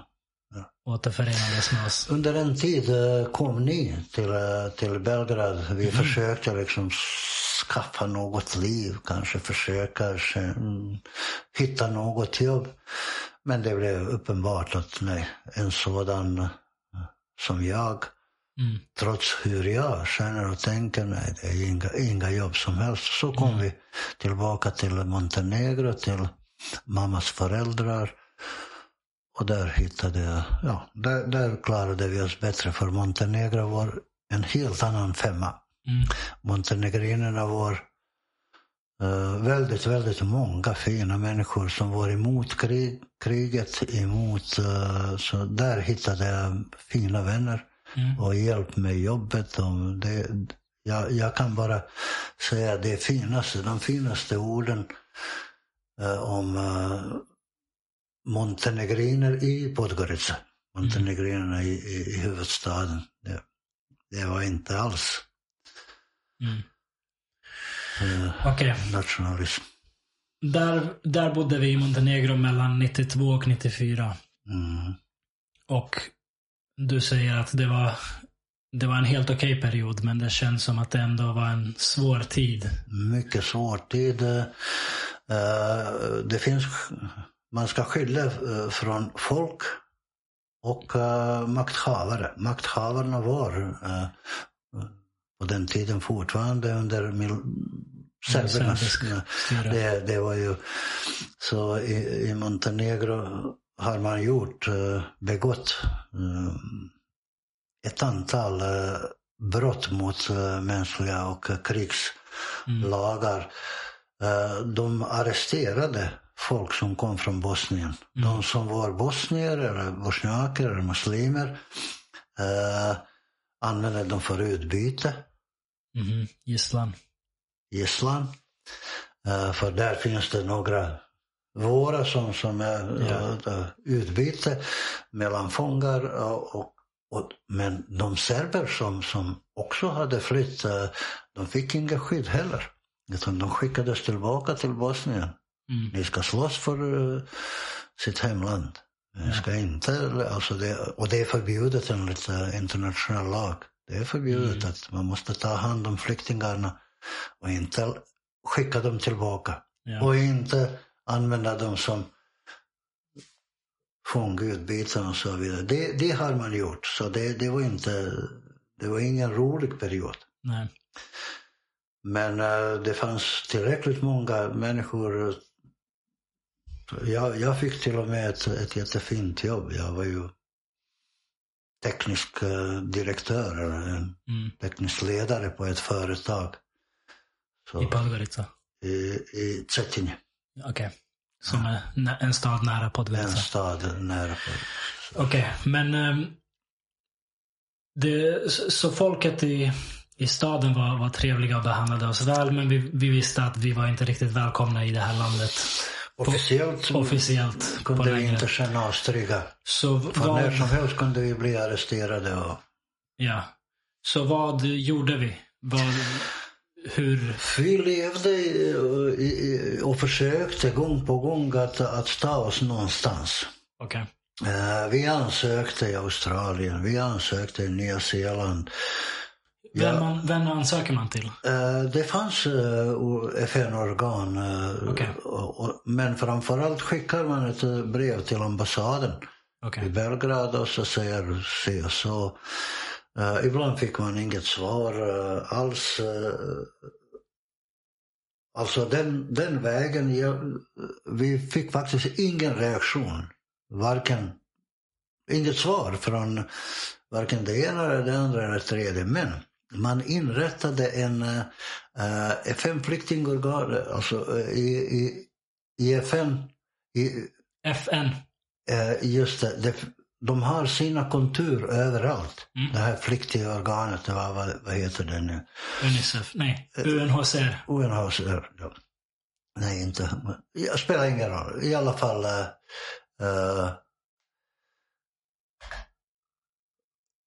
Inrättade man ett kontur där. Ja. Det var in, alltså, folk från Podgorica, till och med en före detta student till mammas mamma. Mm. Hon var ju professor på universitetet. Men de jobbade under uh, eh, FNs uh, eh, regelverk och så fick vi höra på något sätt att uh, man kan ansöka. Och det, jag, jag tänkte inte ens försöka. Jag hade gett upp hoppet. Men mamma och gick dit och var envis och stannade där. Och sen väckte de mig och så, hon sa till mig, kom hit. Ja, men nu kan jag inte. Jag jobbade till klockan fyra på morgonen den dagen. Mm. Hade jobbat. Jag orkade inte. Nej, nej, nej, du ska komma, sa mamma. Du, du beordrade mig. Så, så gick jag på andra sidan staden till det där kontoret. Och det var en, det, det bättre att mamma berättade det. För eh, hon liksom ville inte lämna kontoret förrän hon skulle få ett besked. Okay. Ja men gå nu till jobbet så ringer jag dig. Nej, jag litar inte på er. Jag, jag går inte härifrån tills... Och så ringer den här, hon hittade på att vi var ett blandat äktenskap. Mm. För de hjälpte blanda, för vi uh, blandade äktenskap i, i Montenegro var hotade. Mm. Det, det var med, med blandad kanske vi ska förklara för folk vad det betyder. Blandat det är olika etniciteter inom om, Jugoslavien. Yes, om till exempel en bosnier och en montenegrinska, alltså en låt oss säga muslim och en uh, ortodox. Mm. Uh, sådana äktenskap var ju en miljon i Bosnien. Ja. Men i det här fallet om någon är bosnisk medborgare som är gift med en, en uh, montenegrinsk eller kroatisk medborgare som är gift med en montenegrinsk eller serbisk. Det var ju det var inte roligt för någon. Nej. Det var, det var, det var definitivt inte roligt. Det var väldigt många som provocerade och mm. det, och det där programmet gick ut på att hjälpa uh, sådana här. Och uh, Elsa, min fru, förklarade, din mamma förklarade för dem att vi är ju blandade. Jag är bosnier, jag är montenegrinska, okej. Okay. Och så, så gick det på, på något sätt. Men han sa till henne, gå till jobbet, vi hör av oss. Mm. nej jag går inte härifrån. Ring, ring Belgrad. Och så ringde han Belgrad. På den tiden var förbindelserna fungerade då urdåligt. Yeah. Och det var dessutom jättedåligt. Det regnade i Montenegro. Det var, och så fort det började regna så började fukten mm. liksom för, försvara den, den här... Eh, för, men han ringde till, eh, till Belgrad och sa här har jag en galen kvinna som påstår någonting som jag inte riktigt tror på. Uh, hon säger att, hennes, att de är blandade äktenskap att, och förklarar alltså för, yeah. uh, därifrån. Uh, de pratar uh, engelska naturligtvis. Men därifrån säger, så förstår min fru hur samtalet, därifrån säger myndigheten från Belgrad, hans chef säger du har ingenting med det att göra. Om hon påstår att det är så, då är det, är så. så. Det är då så de känner sig. Okej. Okay. För att en lång, göra en lång historia kort så fick vi väldigt plötsligt att åka till Australien. Okej. Okay. Vill ni? Ja, överallt. Det vill vi. Och så väntar vi på att det ska ske. Vi ska åka till Belgrad, göra intervjuer och sådana saker och så vidare. Och så ska det vara ett statligt program som hjälper oss och barnen. Och så plötsligt får vi ett besked. De har temporärt gjort stopp i processen. Mm -hmm. Jag vet inte om det stämmer men vi, vi har hört att uh, någon bomb hade exploderat i Belgrad. Uh, uh, i närheten av den australiska ambassaden. Mm. Och så stannade processen. Men vi har, vad tycker ni om Sverige? Mm. Vi har lite möjligheter där. Vill ni att vi byter det här? Ja, naturligtvis ännu bättre för det är närmare. Ja. De som åkt till Australien kommer aldrig tillbaka. Sverige är ändå. Mm. Och så blev det. Så blev det. Den 14 eh, juni 94 åkte vi iväg. Och det var flyktingorganet uh, i OM. UNHCR? Ja, eh, för, för, det finns en, en liten enhet som tar hand om just personerna som flyr yeah. uh, i, i, i OM. Jag vet inte, internationella refugee, jag vet inte. Men i alla fall, det var organiserat från Belgrad eh, med buss till, eh, till eh, Budapest. Från Budapest flygplan till Stockholm. Mm. Från Stockholm skulle vi flyga till Borlänge mm. med flygplan, men det var det enda, den enda strejk, pilotstrejk i Sverige, kanske den enda, inträffade just den dagen. så fick vi inga pengar, inte ett ord eh, svenska, lite engelska. Ja, vi hade en, en familj som var blinda. Både pappa och mamma var blinda och hade två små barn. En som, annan familj som också kom till Sverige samtidigt. Just det, i samma, mm. i samma paket. Och jag kände att vi måste ta hand om dem. De skulle fortsätta till Sundsvall. Oj. Den här familjen. Barnen är åtta år, nio år. En flicka och en pojke. Föräldrarna kan inte engelska, ser inte, är blinda. Ja, jag försöker ta hand på Arlanda frågar man uh, om flyktingar. De bara tittar på som, som vi hade kommit från Mars. Alltså, de fattar inte. Och det förstår jag nu. Vad vet Arlanda om något sånt? Ja. Men på något sätt uh, lyckades jag eh, hjälpa de här stackarna att åka iväg och så gick vi ut uh, ur uh, polispasskontrollen. På Arlanda? På Arlanda. Vi gick ut. Nu ska vi försöka göra. Vi vet att vi ska till någon, någon Borlange. Mm. Vi kunde inte läsa det rätt. Utan det stod Borlange. Borlange. Och sen skulle vi vidare till någon Leksand som, som inte fanns på kartan överhuvudtaget. Aha. De kartor som vi hade. Och när vi gick ut så väntade två tjänstemän från Leksands kommun med två personbilar väntade på oss. För det var ytterligare en, eh, en ung par utan barn och vi fyra. Mm. De hade väntat på oss eh, för de hade hört att, uh, om den här strejk, strejken och att vi mm. inte skulle kunna flyga. Och då tänkte jag, vilket land. Så. Organiserat? Så, nej, det är så, som vore man uh, liksom en minister. Som att det är Tito som kommer? Ja, som Tito. Ofattbart. Så där. Man kommer från krig, från där ah. vem som helst kan döda dig när som helst. Ja. Utan att ens någon frågar varför gjorde du? Bara yeah. ups, aha. Ja, jag var på dåligt humör. Och så kommer man till någon som tre och en halv timmar från Leksand kommer de med två bilar och hämtar oss. Och så när vi kommer till Leksand under tiden stannade vi någonstans där på vägen för att äta någonting. Och det, dagen var eh, leder till sin slut så kommer vi till Leksand. Och när man svänger in i Leksand så visade en av de här, den som åkte med oss. Den ena tog vår familj, den andra med sin bil tog det här paret.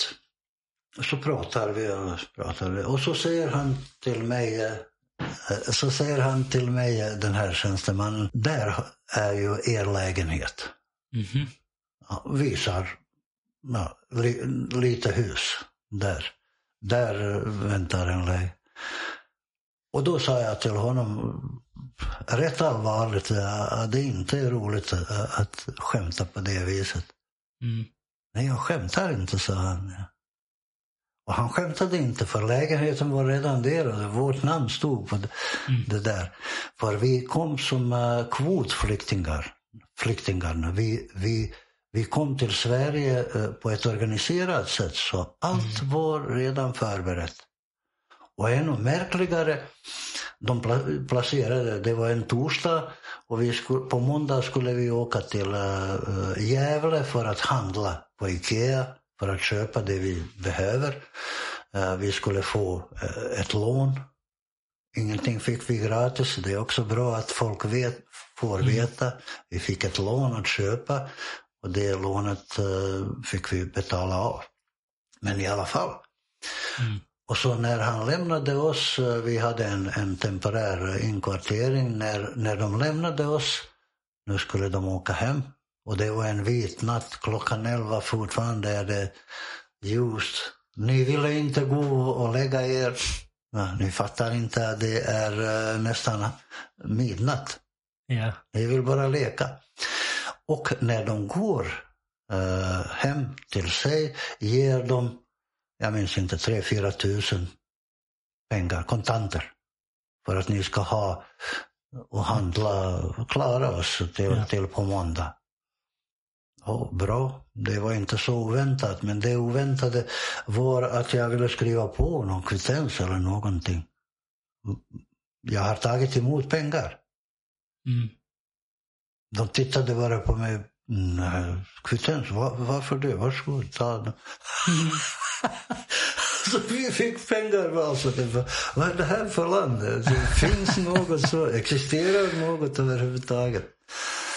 Så så var det. Det kan vara en annan kanske historia, för en, en annan berättelse. I början ser allt sagolikt ut. Mm. Men ju mer man vänjer sig, desto mer inser man att ja, det är ett land som är mycket bättre än många andra, men ändå ett land med sina problem. Och så mm. börjar man Vad, ja. vad kände du till om Sverige innan vi flyttade hit? Inte mycket. Det jag kände om Sverige var Stenmark. Mm -hmm. Vi tävlade som vem skulle bli, vara Stenmark när vi åkte skidor och kunde inte komma överens. Och en av mina kompisar fick heta Ingmar och jag fick veta Stenmark eller tvärtom. Vi, hade på. okay. uh, vi, vi kände väldigt mycket om honom. Uh, vi kände väldigt mycket om uh, Olof Palme och Sveriges sociala land. Mm. Vi visste att det, eller vi kanske inte visste den hela sanningen, men vi trodde i alla fall att Sverige var, och det visade sig att Sverige var ett so socialt land, socialistiskt, jag vet inte hur man ska kalla det. Mm. Uh, ett humant, uh, alltså ett folkhem. Mm. Och det var nog uh, så på den tiden, eller tidigare. Vi kände med det svenska folket eh, eh, mycket när, när Olof Palme sköts ihjäl. Det visste vi. Men det var också saker som vi eh, inte var nöjda med för Sverige en av Jugoslaviens ambassadörer 60-talet, början av 70-talet sköts till döds på ambassaden här i Sverige av den här kroatiska extrema uh, emigration, emigrationen, Ustasja. Mm. Det tyckte vi inte om. Och vi visste om att Sverige hade väldigt kvalitetsstål Mm. Jag visste redan då om SKF. Och som flygare visste jag naturligtvis om Saab, eh, vad hette den, Saab-tunnan? Saab 29 tror jag. Mm. En ganska klumpig men uh, fin konstruktion som de sålde till Austra Österrike bland annat. Det visste jag. Alltså allt som allt, inte mycket. Mm. Inte okay. mycket. Men, men vissa, vissa saker. Vi blandade en hel del uh, det som hände till exempel i Danmark. För Danmark mm. gjorde lite, lite halvpornografiska filmer med te olika teman. Vi trodde att det var svenskarna man kan gilla eller inte gilla det, men i princip gillade vi inte de här uh, filmerna. Så det var, ju, det var, ingen, mm. det var, det var nästan pornografiskt. De, okay. Mazurka i sängen, uh, uh, ja, det är lite fantasier av sådana slag. Och, men när vi kom till Sverige så sa de, det, det, här säljer man Det är danskarna det där. Nej, det, det, här säljer man inte ens uh, sådana tidningar på offentligt. De ska inte synas någonstans. Mm, dolda på den högsta hyllan.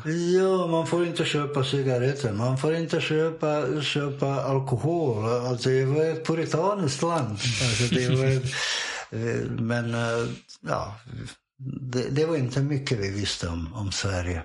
Hur var mottagandet i Leksand av oss? Oh. Fantastiskt. Det är ju fantastiskt.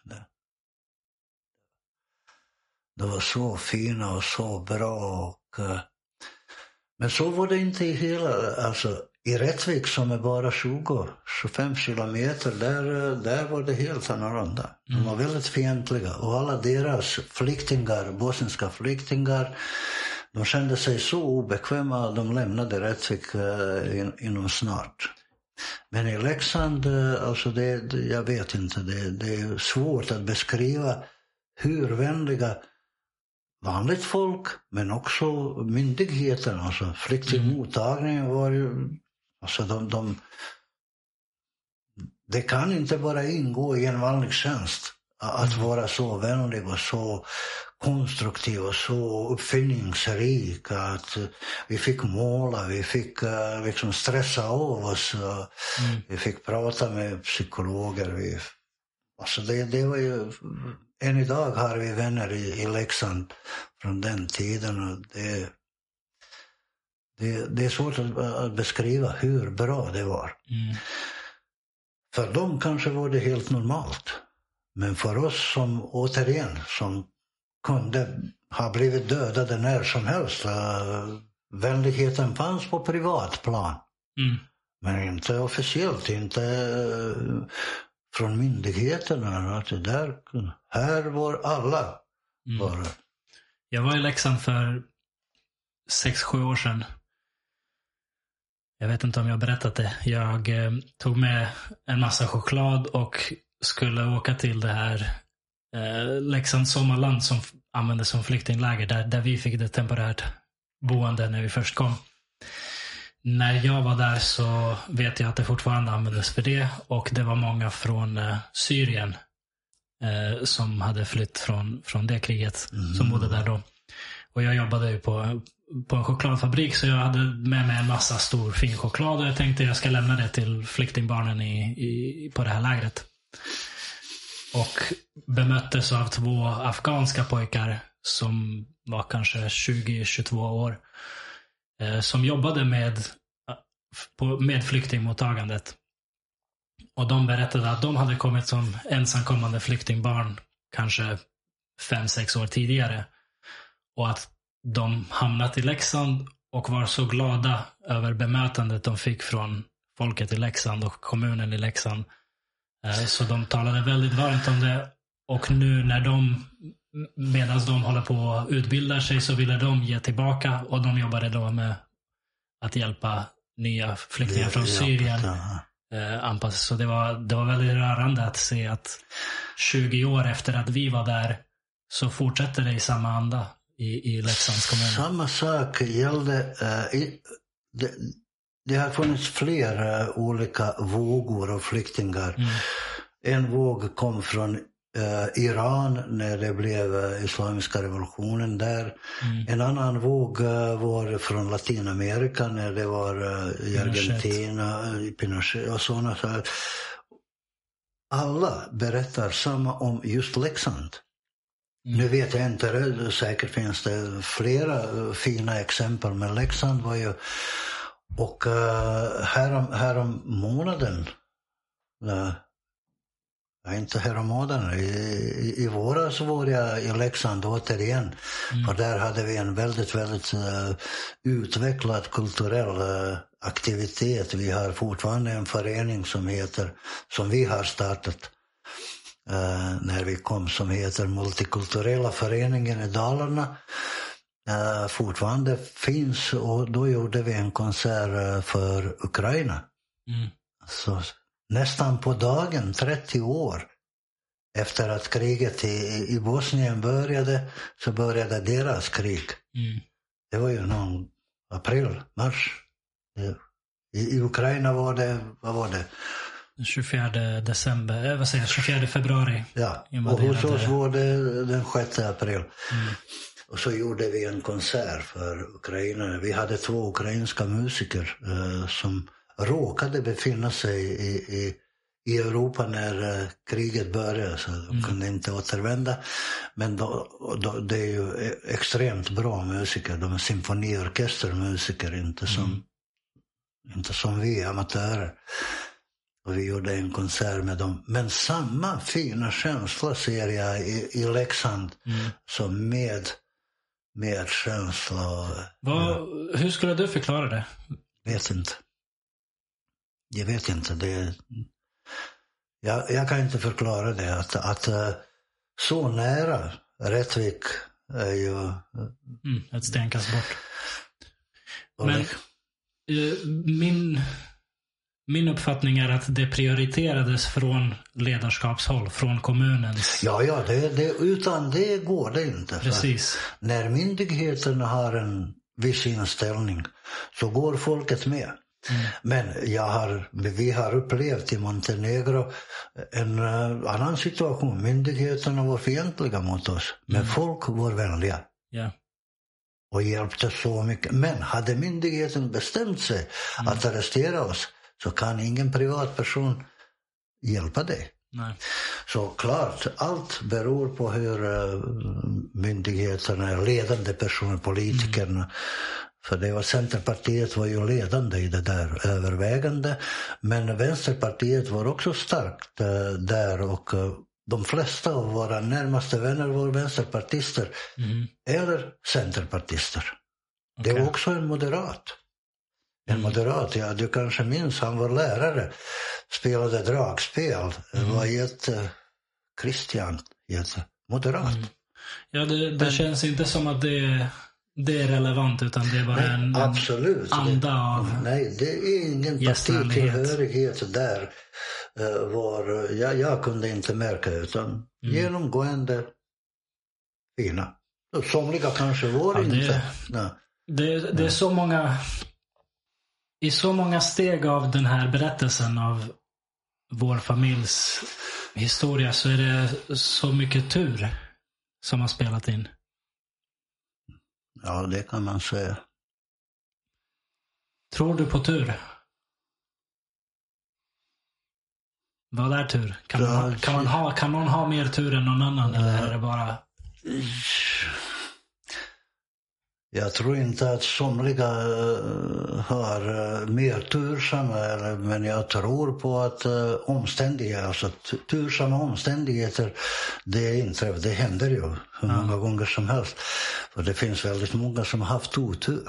Mm. Men det är helt oförtjänt.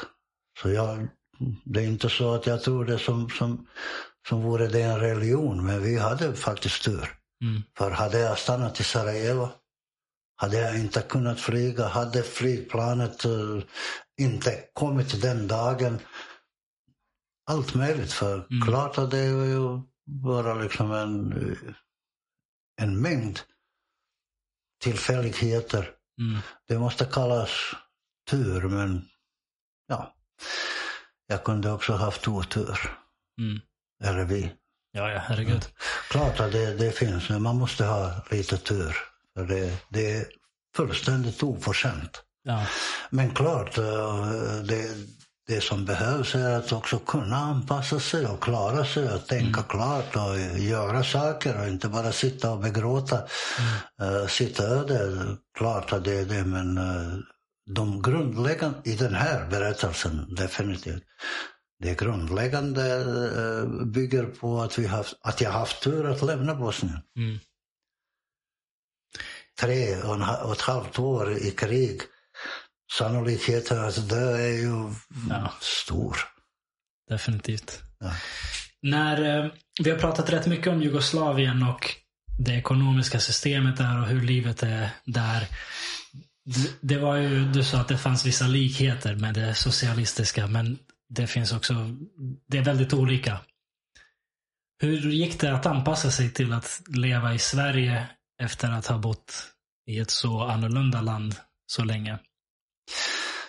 Det gick inte alls svårt. Jag kan, jag kan ta ett exempel som illustrerar det. När jag började jobba på Bromma gymnasium som lärare mm. så hade jag en rektor som var lite, lite intressant figur. Han mm. brukade, på fredagarna brukade han stanna kvar på skolan på sitt kontor. Och på den tiden uh, var ni fortfarande i Leksand. Jag var i Stockholm, ni var i Leksand. Jag veckopendlade och sen började jag jobba som lärare på Bromma gymnasium. Så jag hade ingen, inget, inget att göra hemma. Jag, jag var inneboende hos uh, en familj. Så stannade jag där och förberedde mina... Eh, uh, för. Och så ringer den här rektorn och säger till mig, kom ner till mig. Och så kommer jag ner till honom och så tar han fram cigarrer. Okay. Trots att det är du vet. Och så röker vi våra cigarrer och så berättar vi olika saker. Han berättar för mig och berättar. Och så en gång eh, beklagade han sig över någonting. Att, att eh, han som rektor eh, fattade ett beslut och någon, allmänheten eller någon förälder ifrågasätter. Och då säger jag till honom, men samhället har delegerat det till dig. För du är rektor. Och som rektor, som chef, har samhället delegerat viss beslutsfattande för det. Alltså jag försöker liksom trösta honom. Mm. Att inte ta det så, så liksom personligt. Ja. För klart att han måste. Någon gillar, någon ogillar, men så är det. Och då sa han till mig. Du har bra förstått det här svenska systemet.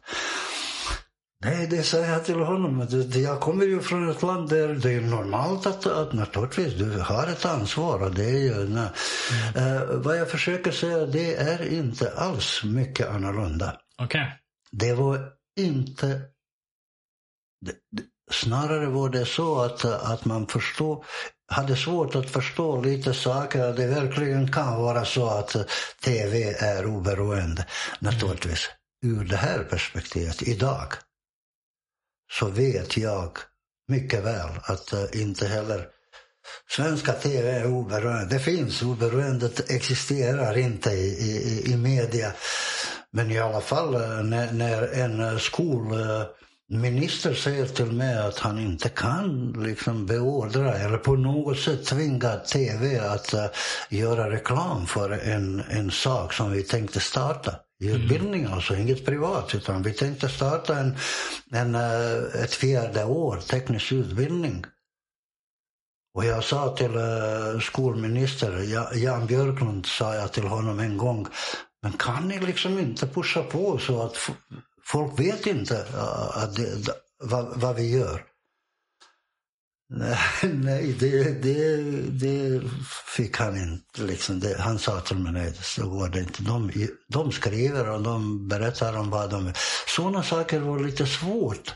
Mm. Men bra saker är lätt att stava sig. Att, att vänja sig vid. Ja, man vänjer sig väldigt snabbt och så börjar man lite, vara lite bortskämd och, och, och, man vill ha ännu mer för man, man lär sig. Men de, de grundläggande värderingarna har vi haft eh, precis som i Sverige. Mm. Det var inte några konstigheter som till exempel när man kommer från andra delar i världen där, där man det är väldigt annorlunda. Det, det var ju det var snarare åt andra håll. För när en massa flyktingar, 60 70 tusen flyktingar från Bosnien kom så berättar eh, en av våra vänner som är, som är tandläkare hur eh,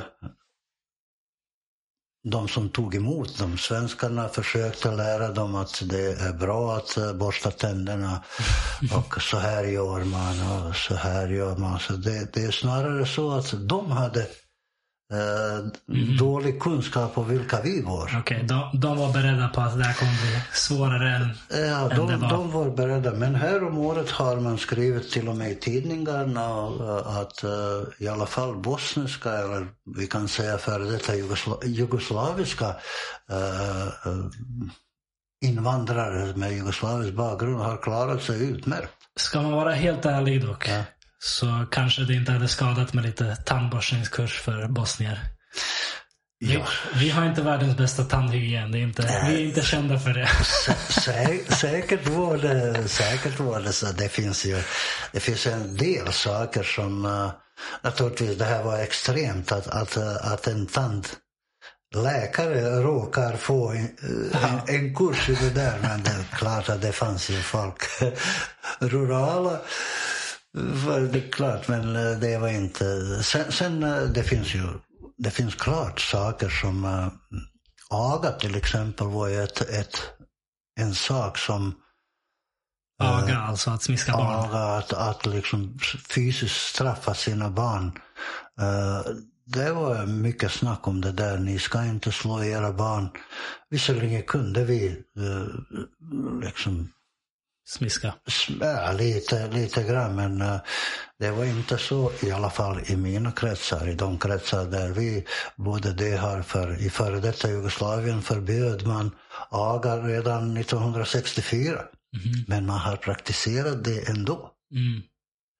För vi var inte oskyldiga där. där, där däremot uh, Ofta berättar vi ett skämt om uh, ja, vi hittar på. Säg att den svenska polisen äh, arresterar och äh, tar äh, till stationen en person, som en, säg en bosnier som säger så här. Ja men kära ni, det här måste vara ett förstånd. Jag har slagit min fru. Min. Jag har inte slagit någon annan. så sådant fanns en del, mm. men inte så att ja, i Leksand blev man, eh, det, det, kan vara väldigt olika. Så man kan inte generellt säga att bosnier var väluppfostrade. Eller så. så det var lite, mm. mycket lägre nivå än i Sverige, men inte så. Att man, så, så, bara ett exempel i Leksand när eh, när jag tillät i situationstecken att min fru ska också ha uh, ett uh, kontokort mm -hmm. på vårt gemensamma bankkonto. Bank, bankkonto. Så tittade den här tjänstemannen, i och för sig en mycket, mycket fin människa, du känner honom också. Na, uh, Thomas, ger du henne kreditkort? Mm. Så för honom var det en chock, oväntat att en bosnier delar jag, jag vet inte om det är för att det är en bosnier eller om det är för att svenskar är så vana med att man har, var, var, och en har sitt konto. Jag att man inte, inte har gemensamt konto. Jag vet inte, jag uppfattar. Eller till exempel om vi diskar, om vi hjälper hemma. Mm, aha, de var förvånade. Och, ja, gör ni det? Eller mm. till exempel när mina kollegor, lärare säger ja men ni, ni hade det lätt, ni fick ju slå barnen i skolan. Mm. Så de var disciplinerade. Vem har sagt det? Mm. Okej, okay, folk har lite fördomar. Ja, då, mm. Snarare var det så att de fick uh, vänja sig vid att vi, vi, Men inte för oss var det mycket konstigheter. Nej. Inte alls. Okay. Inte, inte alls alltså, definitivt. Du nämnde att du utbildade dig till gymnasielärare och fick sen jobb på Bromma gymnasium och jobbade som, som lärare i 25 år 20, ungefär. 24. 24 ja. år. Gick i pension förra året. Ja. Det, ja. ja. I september 2020. 22. 2022. Um, berätta lite om det. Du, du startade ett nytt program på Bromma gymnasium? Eller var delaktig i att ta fram ett nytt program? Eller hur funkade det? Också där hade jag lite tur. Mm. Uh, när jag... Uh, kanske li, lite bitterhet först. och sen går vi till något roligare. När jag kom till Sverige så hade jag redan varit civilingenjör. Mm. Men nästan en, en, en uh, klar uh, disputation, alltså väldigt mycket mer än en ingenjör. Jag var på väg att doktorera men det blev inte av. Uh, och det hade inte Sverige några problem med. Mm. Att erkänna att jag var ingenjör. Det var okej okay för Sverige. Mm. Men det var inte okej okay för Sverige att jag också var gymnasielärare, vilket jag hade varit för jag hade avlagt examen, lärarexamen. För man är inte lärare, man blir inte lärare i, i, före detta Jugoslavien bara sådär. Mm. Och det var ju sex, sex, sju olika examen, alltså ungefär som lärarhögskolan här. Mm. Precis samma sak som ingenjörer gör. I Sverige gjorde vi, fast vi gjorde det parallellt med jobbet. Okay. Man fick ett, ett och ett halvt år på sig att avlägga det här eh, examina, lärarexamen som ingenjör. Man jobbar, undervisar men samtidigt går på universitetet och fixar det. Och det, jag, var, jag hade papper på det också. Mm. Nej, Sverige ville inte erkänna uh, det där så jag fick göra om det. Okej, okay. men, men de erkände ditt ingenjörsdiplom? Ja, det hade de inte, aldrig ifrågasatt. Men du ville inte jobba med som Jag ville ingenjör? inte jobba som ingenjör, jag ville jobba som lärare för där finner jag mig. Jag, jag var lärare redan innan. Mm. Redan från 85 började okay. jag undervisa fram till krigets början. Uh, 92 Alltså sju år var jag lärare och redan började undervisa just det där året när kriget skulle börja uh, skulle börjat, uh, började undervisa på, på högskolan okay. också.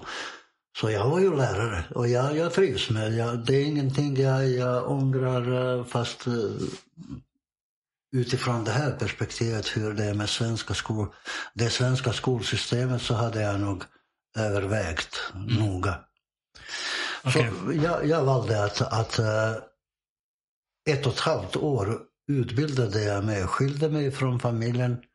Ni var ju i Leksand under tiden jag var i Stockholm. Mm. Pluggade, bo, bodde som inneboende med allt som det innebär. Veckopendlade för att träffa er. Alltså man kommer från kriget och behöver sina barn som mest. Mm. Men man är tvungen att, att uh, skilja sig från barnen. Det kommer jag till exempel aldrig att förlåta Sverige. Eh, men det, är ju, det, det negativa är ju, och det kostade mig. Jag fick låna pengar för att studera Mm. precis som alla andra svenskar. Så det, Mm. det, var, det var inte enkelt. Men uh, okej, det, när det gäller den delen så det, det bittra slutar med det där. Ja. Jag fick en praktikplats eh, när, när, i slutet av utbildning, lärarutbildningen får man en praktikplats. Jag råkade träffa en före detta jugoslav, en ungrare, som, som litet, ett litet barn, eh, hans föräldrar hade flyttat från eh, Jugoslavien hit för att tjäna lite pengar, men här har de, här stannade de för gott. Ja. Eh, och jag träffade honom på, på min praktikplats. Och det ena leder till det andra. Jag fick fortsätta, eh, alltså fick jobb på Bromma gymnasium, där hos honom i den skolan.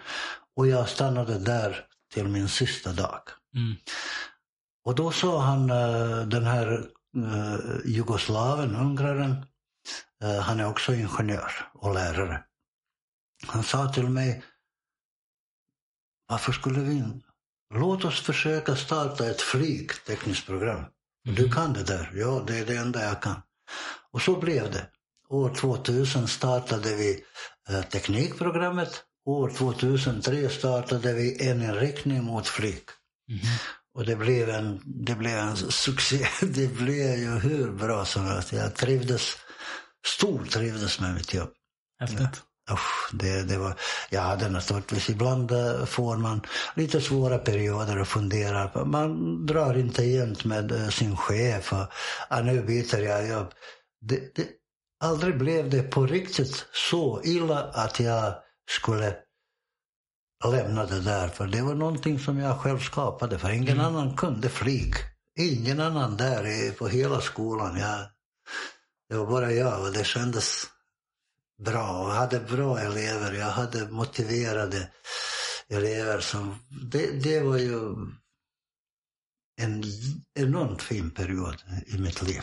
Från 2003 och det här programmet fortsätter fortfarande, eller? Det fortsätter fortfarande, ja. det finns fortfarande. Naturligtvis, vi har alltid fler riktningar. Det är inte bara mot flyg. Det finns Nej. riktningar och, eh, eller vi har alltid haft två. Ja. En som är baserad mer på allmän teknisk design Mhm.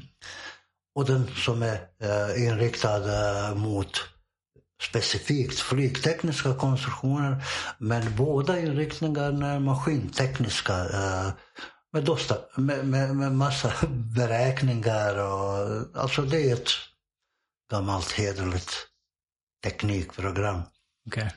Där man lär sig att beräkna saker och ting, där man lär sig rittekniken, där man lär sig, man blir eh, riktigt duktiga. Och av den anledningen valdes vi att, att vara en, ett försök, en försöksskola för Ja. det fjärde året. ja, nu har hå- hållit på i 20 år så försöket Ja. gick bra. Ja, det är ju flyg, flyginriktningen. Den andra inriktningen hade vi redan från Mm. år 2000.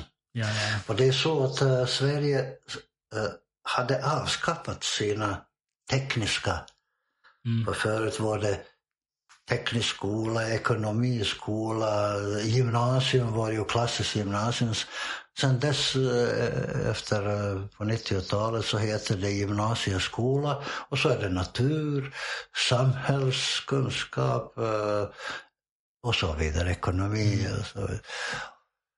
Men tekniken fanns inte, teknikprogrammet fanns inte, utan det var en del, en avgrening av natur, Ja. vetenskapliga programmet.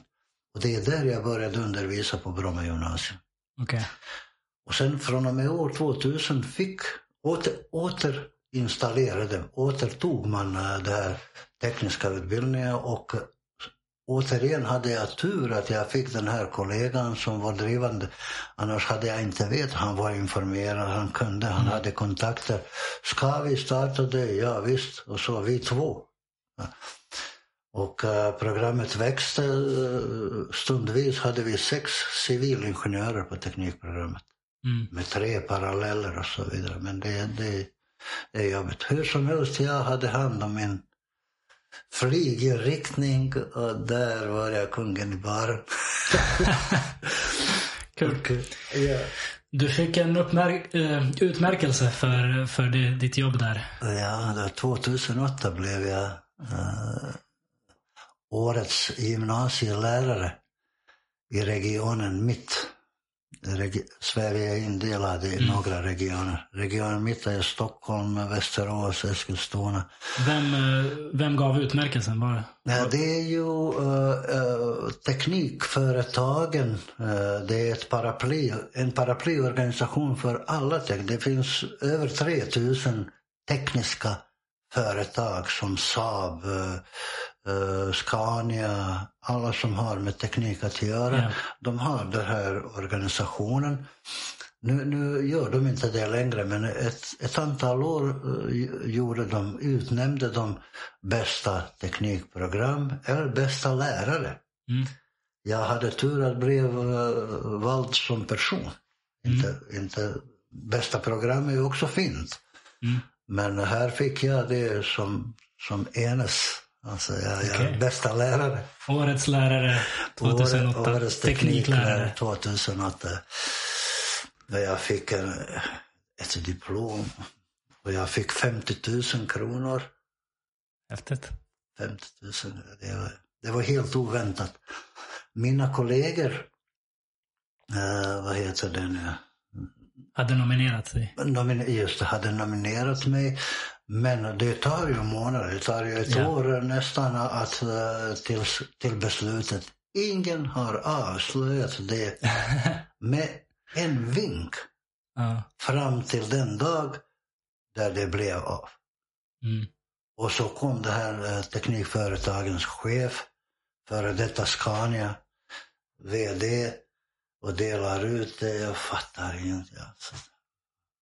Vadå, 5000? Nej, inte 5 000, 50 000. så jag fick göra, ja, det, det var fint. Det, det var, det var roligt. Kändes bra. Vi har, eh, vi har ju bildat oss ett ganska starkt liv här i Sverige på 30 år nu, snart 30 år. Nu, nu känns Sverige som hem när, när vi säger till uh, våra släktingar nu åker jag hem. Blir de lite, alltså vi menar nu åker vi tillbaka till Sverige. Mm. Så tittar de lite konstigt på oss. Men uh, så kändes det faktiskt inte från början. Jag trodde aldrig att jag skulle heja på Sverige till exempel när de mm. spelar mot Bosnien. Nu Zlatan fixade det. Zlatan har nog fixat det. Nu, nu hör jag faktiskt, och jag, jag, jag var omedveten när det förändrades i huvudet. Yeah. För när vi blev svenskar, jag, jag, vet inte om du minns det där. Eh, mm, när, vi fick vi medborgarskap. Ja, när vi fick svensk, det var efter, efter sex år. Mm. Så kommer en radioreporter till oss, hem mm. till oss. Jag minns det. Tidigt på morgonen så frågar han dig, okej okay, nu är du svensk. Om Sverige skulle spela mot Bosnien, vem skulle du heja på? Och då sa du, och vi tittade över vilken fråga. Alltså, Bosnien naturligtvis, vad är det för fråga? För jag har liksom bara fått medborgarskap men jag liksom trodde aldrig att något annat skulle gälla. Okay. På, den, på, den tiden hejade vi på Serbien, på Kroatien, på Makedonien, på alla som Så, kommer före detta. Så men, om, Sverige, om Sverige möter Bosnien idag, vilka hejar du på? Ja, då hejar jag på, på Sverige. Nu är det Sverige? Nu, nu, definitivt. okay. Ja. Det är ju liksom, jag... Ja. ja. Vad, eh, vad... Man får avrätta mig om man vill men det är en känsla. Man väljer inte vem man älskar. Det Nej, så är det. Så är det bara. Du älskar Sverige? Och det har blivit, det har blivit bara så. Mm. Ju mer jag kritiserar Sverige, desto mer älskar, eller kanske är det, är det tvärtom. Ju mer jag riktigt älskar eh, Sverige och känner att det här är mitt land, Mm. Känner ansvar. då vill jag att det ska bli ännu bättre. Mm. Jag kritiserar inte därför att jag har något emot man, man vill liksom Mm. man kritiserar sina egna barn också för att de ska bli bättre. Vad tycker du mest om med Sverige? Jo. Svårt att säga. Svårt att säga. Jag har funderat eh, en hel del. Det som jag sysslar, jag tycker om, jag sysslar lite med musik. Ja. Och, eh, och i Jugoslavien hade jag alltid, i och för sig internet har gjort också sitt. Det fanns inte internet i Sverige heller då. Men att hitta en text på något främmande språk, det var en omöjlighet. Mm. Att fråga någon om hur det är i Somalien, eller hur är det att vara kurd? Det fanns ju inga sådana. Mm. Det som jag gillar i Sverige, det finns ju alla tänkbara. Japan- Vill du prata med någon om Japan och hur, hur det är där så finns det säkert. Det, det är inte svårt att hitta. Mm. Alla tänkbara folk finns här och då kan man, kan man från källan höra hur det är. Och så Det, det tycker jag är roligt. Det tycker jag är bra. Mm. Sen eh, jag, jag har alltid tyckt och fortfarande tycker om Sveriges sociala... Nej. Skyddsnät. Ja, det, tyvärr börjar det ändras. Mm. Eh, Det är inte, till och med på våra 30 år i Sverige märker man Nej, 30 år är inte kort tid.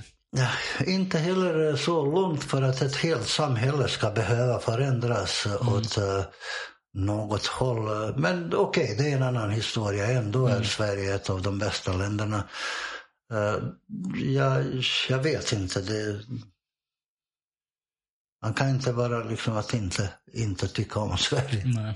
Det är svårt att... eh, man kritiserar ju saker och ting men eh, som en helhet är ju Sverige ett fint land. Man brukar säga att svenskar, svenskarna är kalla, de är otillgängliga, reserverade. Så upplever jag inte heller. Nej. För inte heller när jag levde i Jugoslavien fick man komma hos mig när, när han eller hon vill. Man ringde först och pratade. Skulle vi kunna... Alltså det, det, det finns ju andra exempel också. Men som sagt, det var inte så jättestora skillnader eh, för, för Mm. oss i alla fall. Så jag, eh, jag vet inte. Det, det, det är lättare att berätta om vad man inte gillar i Sverige. Det är alltid... eh, Men, men det var inte frågan. Ja, jag förstår det. För det är lättare, för det, det är svårt att definiera, ja, nu filosoferar jag, men det är svårt att definiera varför kärlek, varför man älskar Mm. Det är svårt. Det, det älskar därför att eh, hon har eh, bruna ögon. Nej, det är svårt. Eh, sa- samma med landet, det, det är bara fint. Det, men om jag ska nu konkretisera så gillar jag det att man i Sverige inte behöver gå till, alltså inte behöver kämpa för sina rätt, rättigheter. Mm. Det man har rätt till, det får man.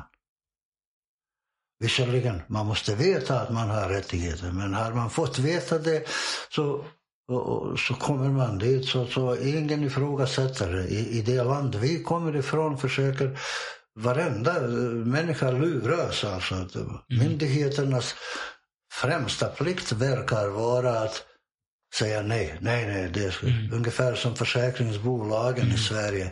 Så fort du säger att nej, nej, nej, nej det, det ingår liksom inte. Så var det i, i de skattebetalade myndigheterna i Jugoslavien. Och den trygghet tycker jag väldigt mycket om. Mm.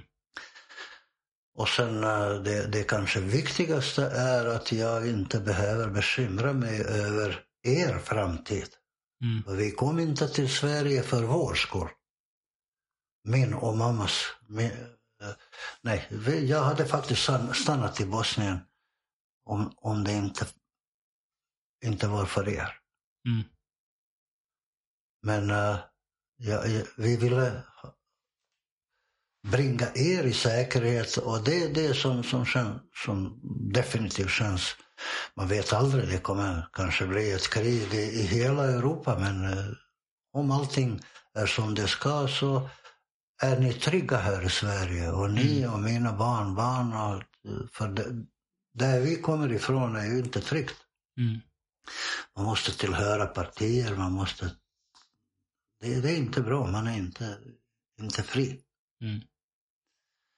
Sen att man eh, kan säga vad man vill, det, det var inga problem med det för, för mig. Det, mm. den, den eh, dimensionen har jag, liksom, ingenting har förändrats. För, för min del är det inte, så det är en viktig, jag säger inte att det är oviktigt för i normala fall. Men för mig är det inget främmande för.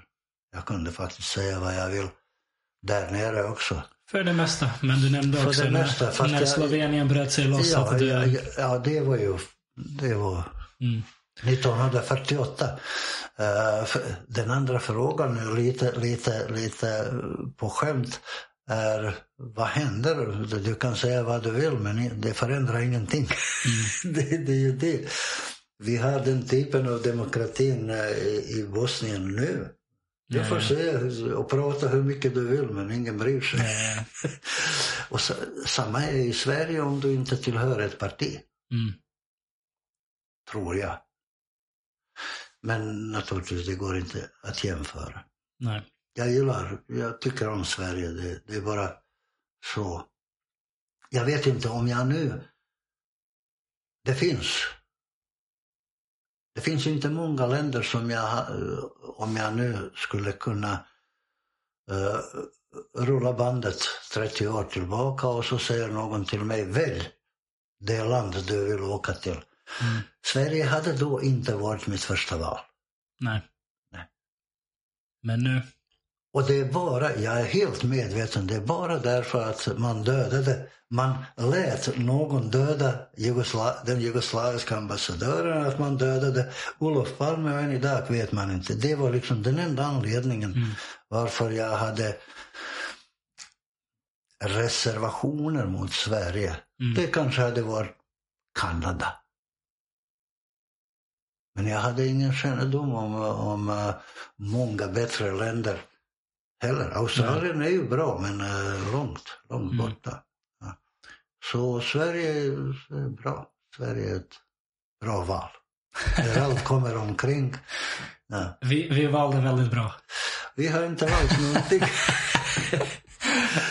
På något sätt. På något sätt. Vi har inte valt. Vi, vi har bara kunnat eh, välja bort när de Ja. erbjöd oss. Vill ni åka till Sverige så sa de Ja, inte vi- det, det, det och det. Nej, bara nej. Sverige. Ja. Åk till Albanien, spela ingen roll. Vi hade Kina, sagt ja till vad som helst. vad som helst. Ja. På den tiden var det, gällde det bara att lämna. Kul. Jag är glad att vi hamnade här och jag håller med. Jag tycker Sverige är ett underbart land att bo i och det har varit... Definitivt. Definitivt. Det är ju... eh, När, när, det, det, är ett, det finns många saker som jag störs Mm. på. Mm. En av de eh, saker, sakerna är ju, alltså eftersom det är mitt yrkesval och yrkesliv, att det inte är, går bra för svenska skolan. Mm. Alldeles för mycket experiment, alldeles för mycket lekmanna, eh, sandlåda. Alltså det, det är men det vet alla. Det som irriterar mig är att man inte gör någonting av det där. Mm. Mm. Eh, Det är till exempel en, en, en stor irritation på mig. Egentligen kunde jag ha fortsatt jobba ett, ett par år till. Mm.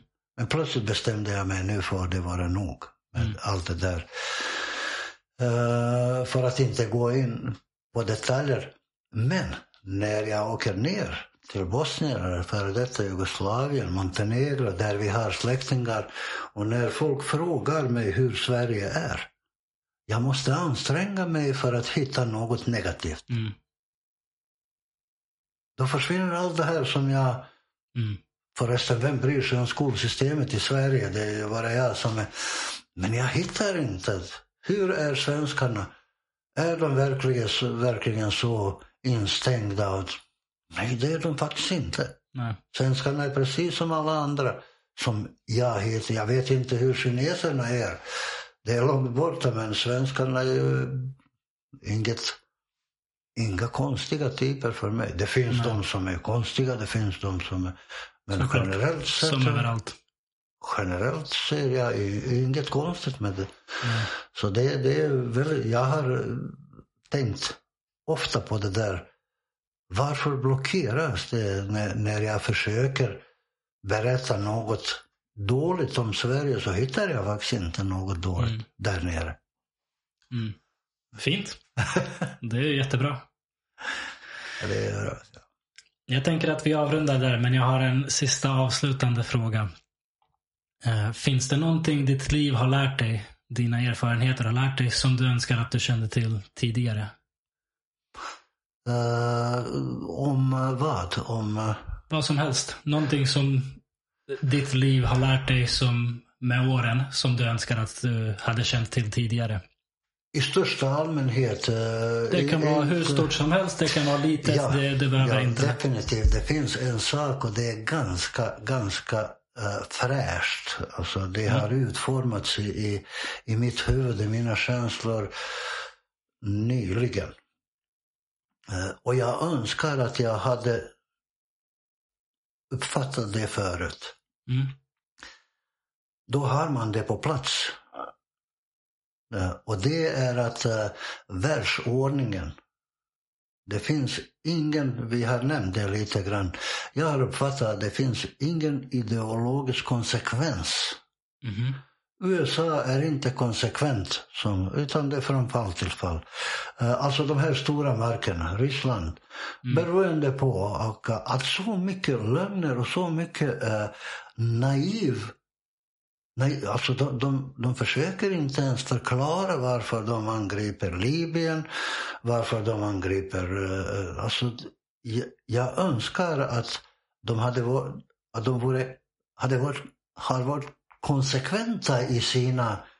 Mm. Och då, man behöver inte gilla det, Mm. men då vet man vad man har. Alltså, den här, det har hänt en eh, desillusionering.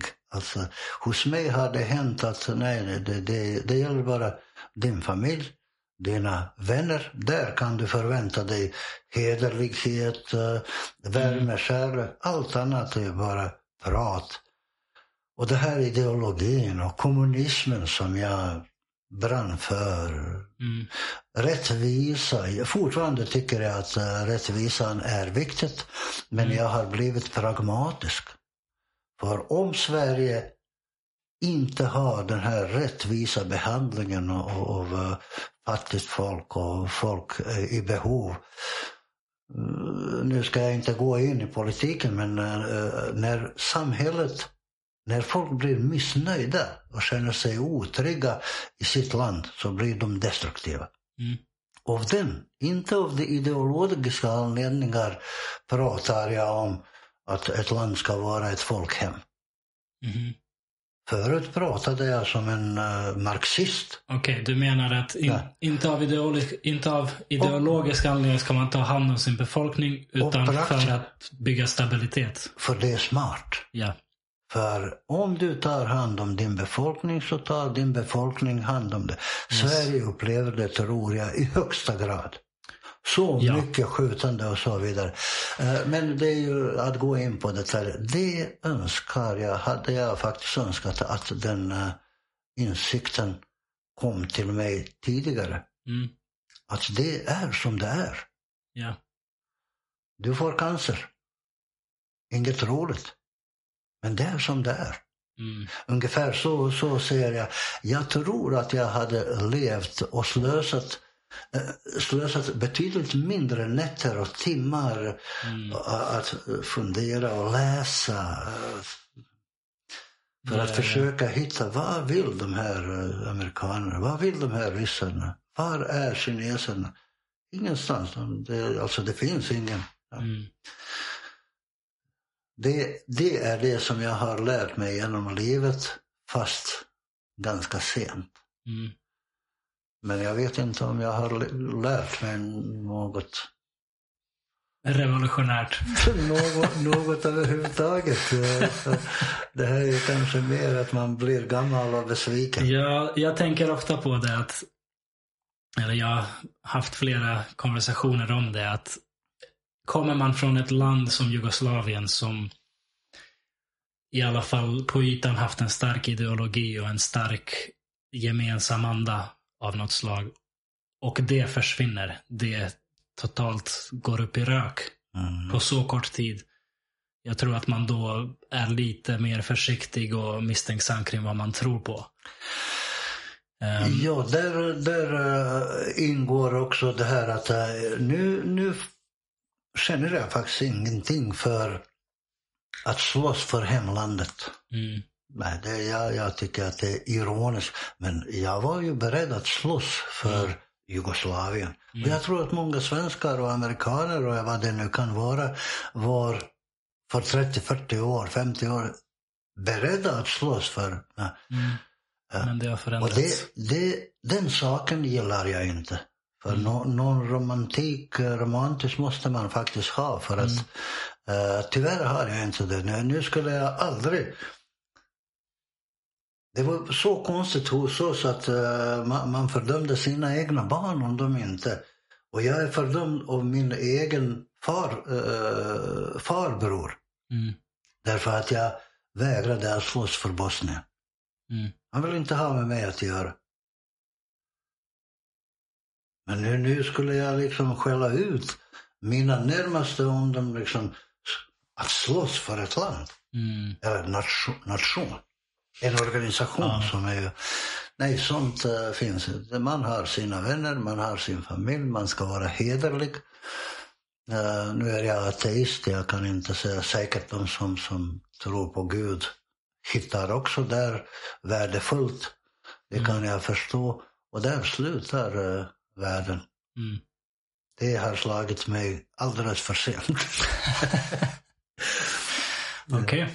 Ja, men eh, någon som lyssnar kanske, kanske får eh, hjälp på vägen med det. Nej, de, de som lyssnar naturligtvis eventuellt, de, de måste ta hänsyn till att jag är 68 år gammal.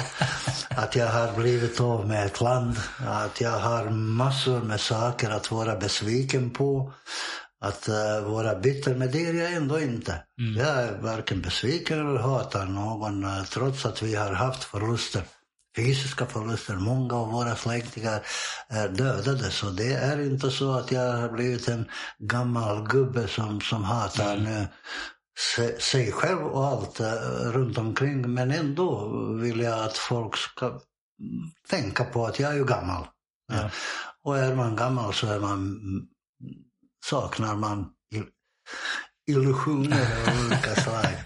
Man ska inte lyssna särskilt Det, mycket. det låter som att du ändå är lite gladare i att inte, inte tro att allting är så ideologiskt. Och, utan att du har accepterat någonstans att det finns kaos i världen och man får bara Ja, finna det, sig i det, det. det har jag accepterat och eh, liksom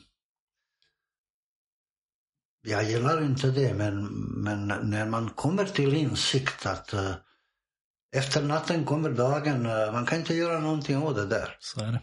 Gör någonting för dem som du kan ju, eh, ändra någonting. Varför ska jag slita nu och diskutera med eh, politiska motståndare? Skit i det där. Yes. Lev ditt liv där det är viktigt. Lev ditt liv där det är viktigt. Vi avslutar med de orden. Tack så jättemycket pappa. För att du ville vara med på podden. Tack för att jag fick vara med. Och tack så mycket till dig som lyssnade. Vi hörs i nästa avsnitt. Ha det bra.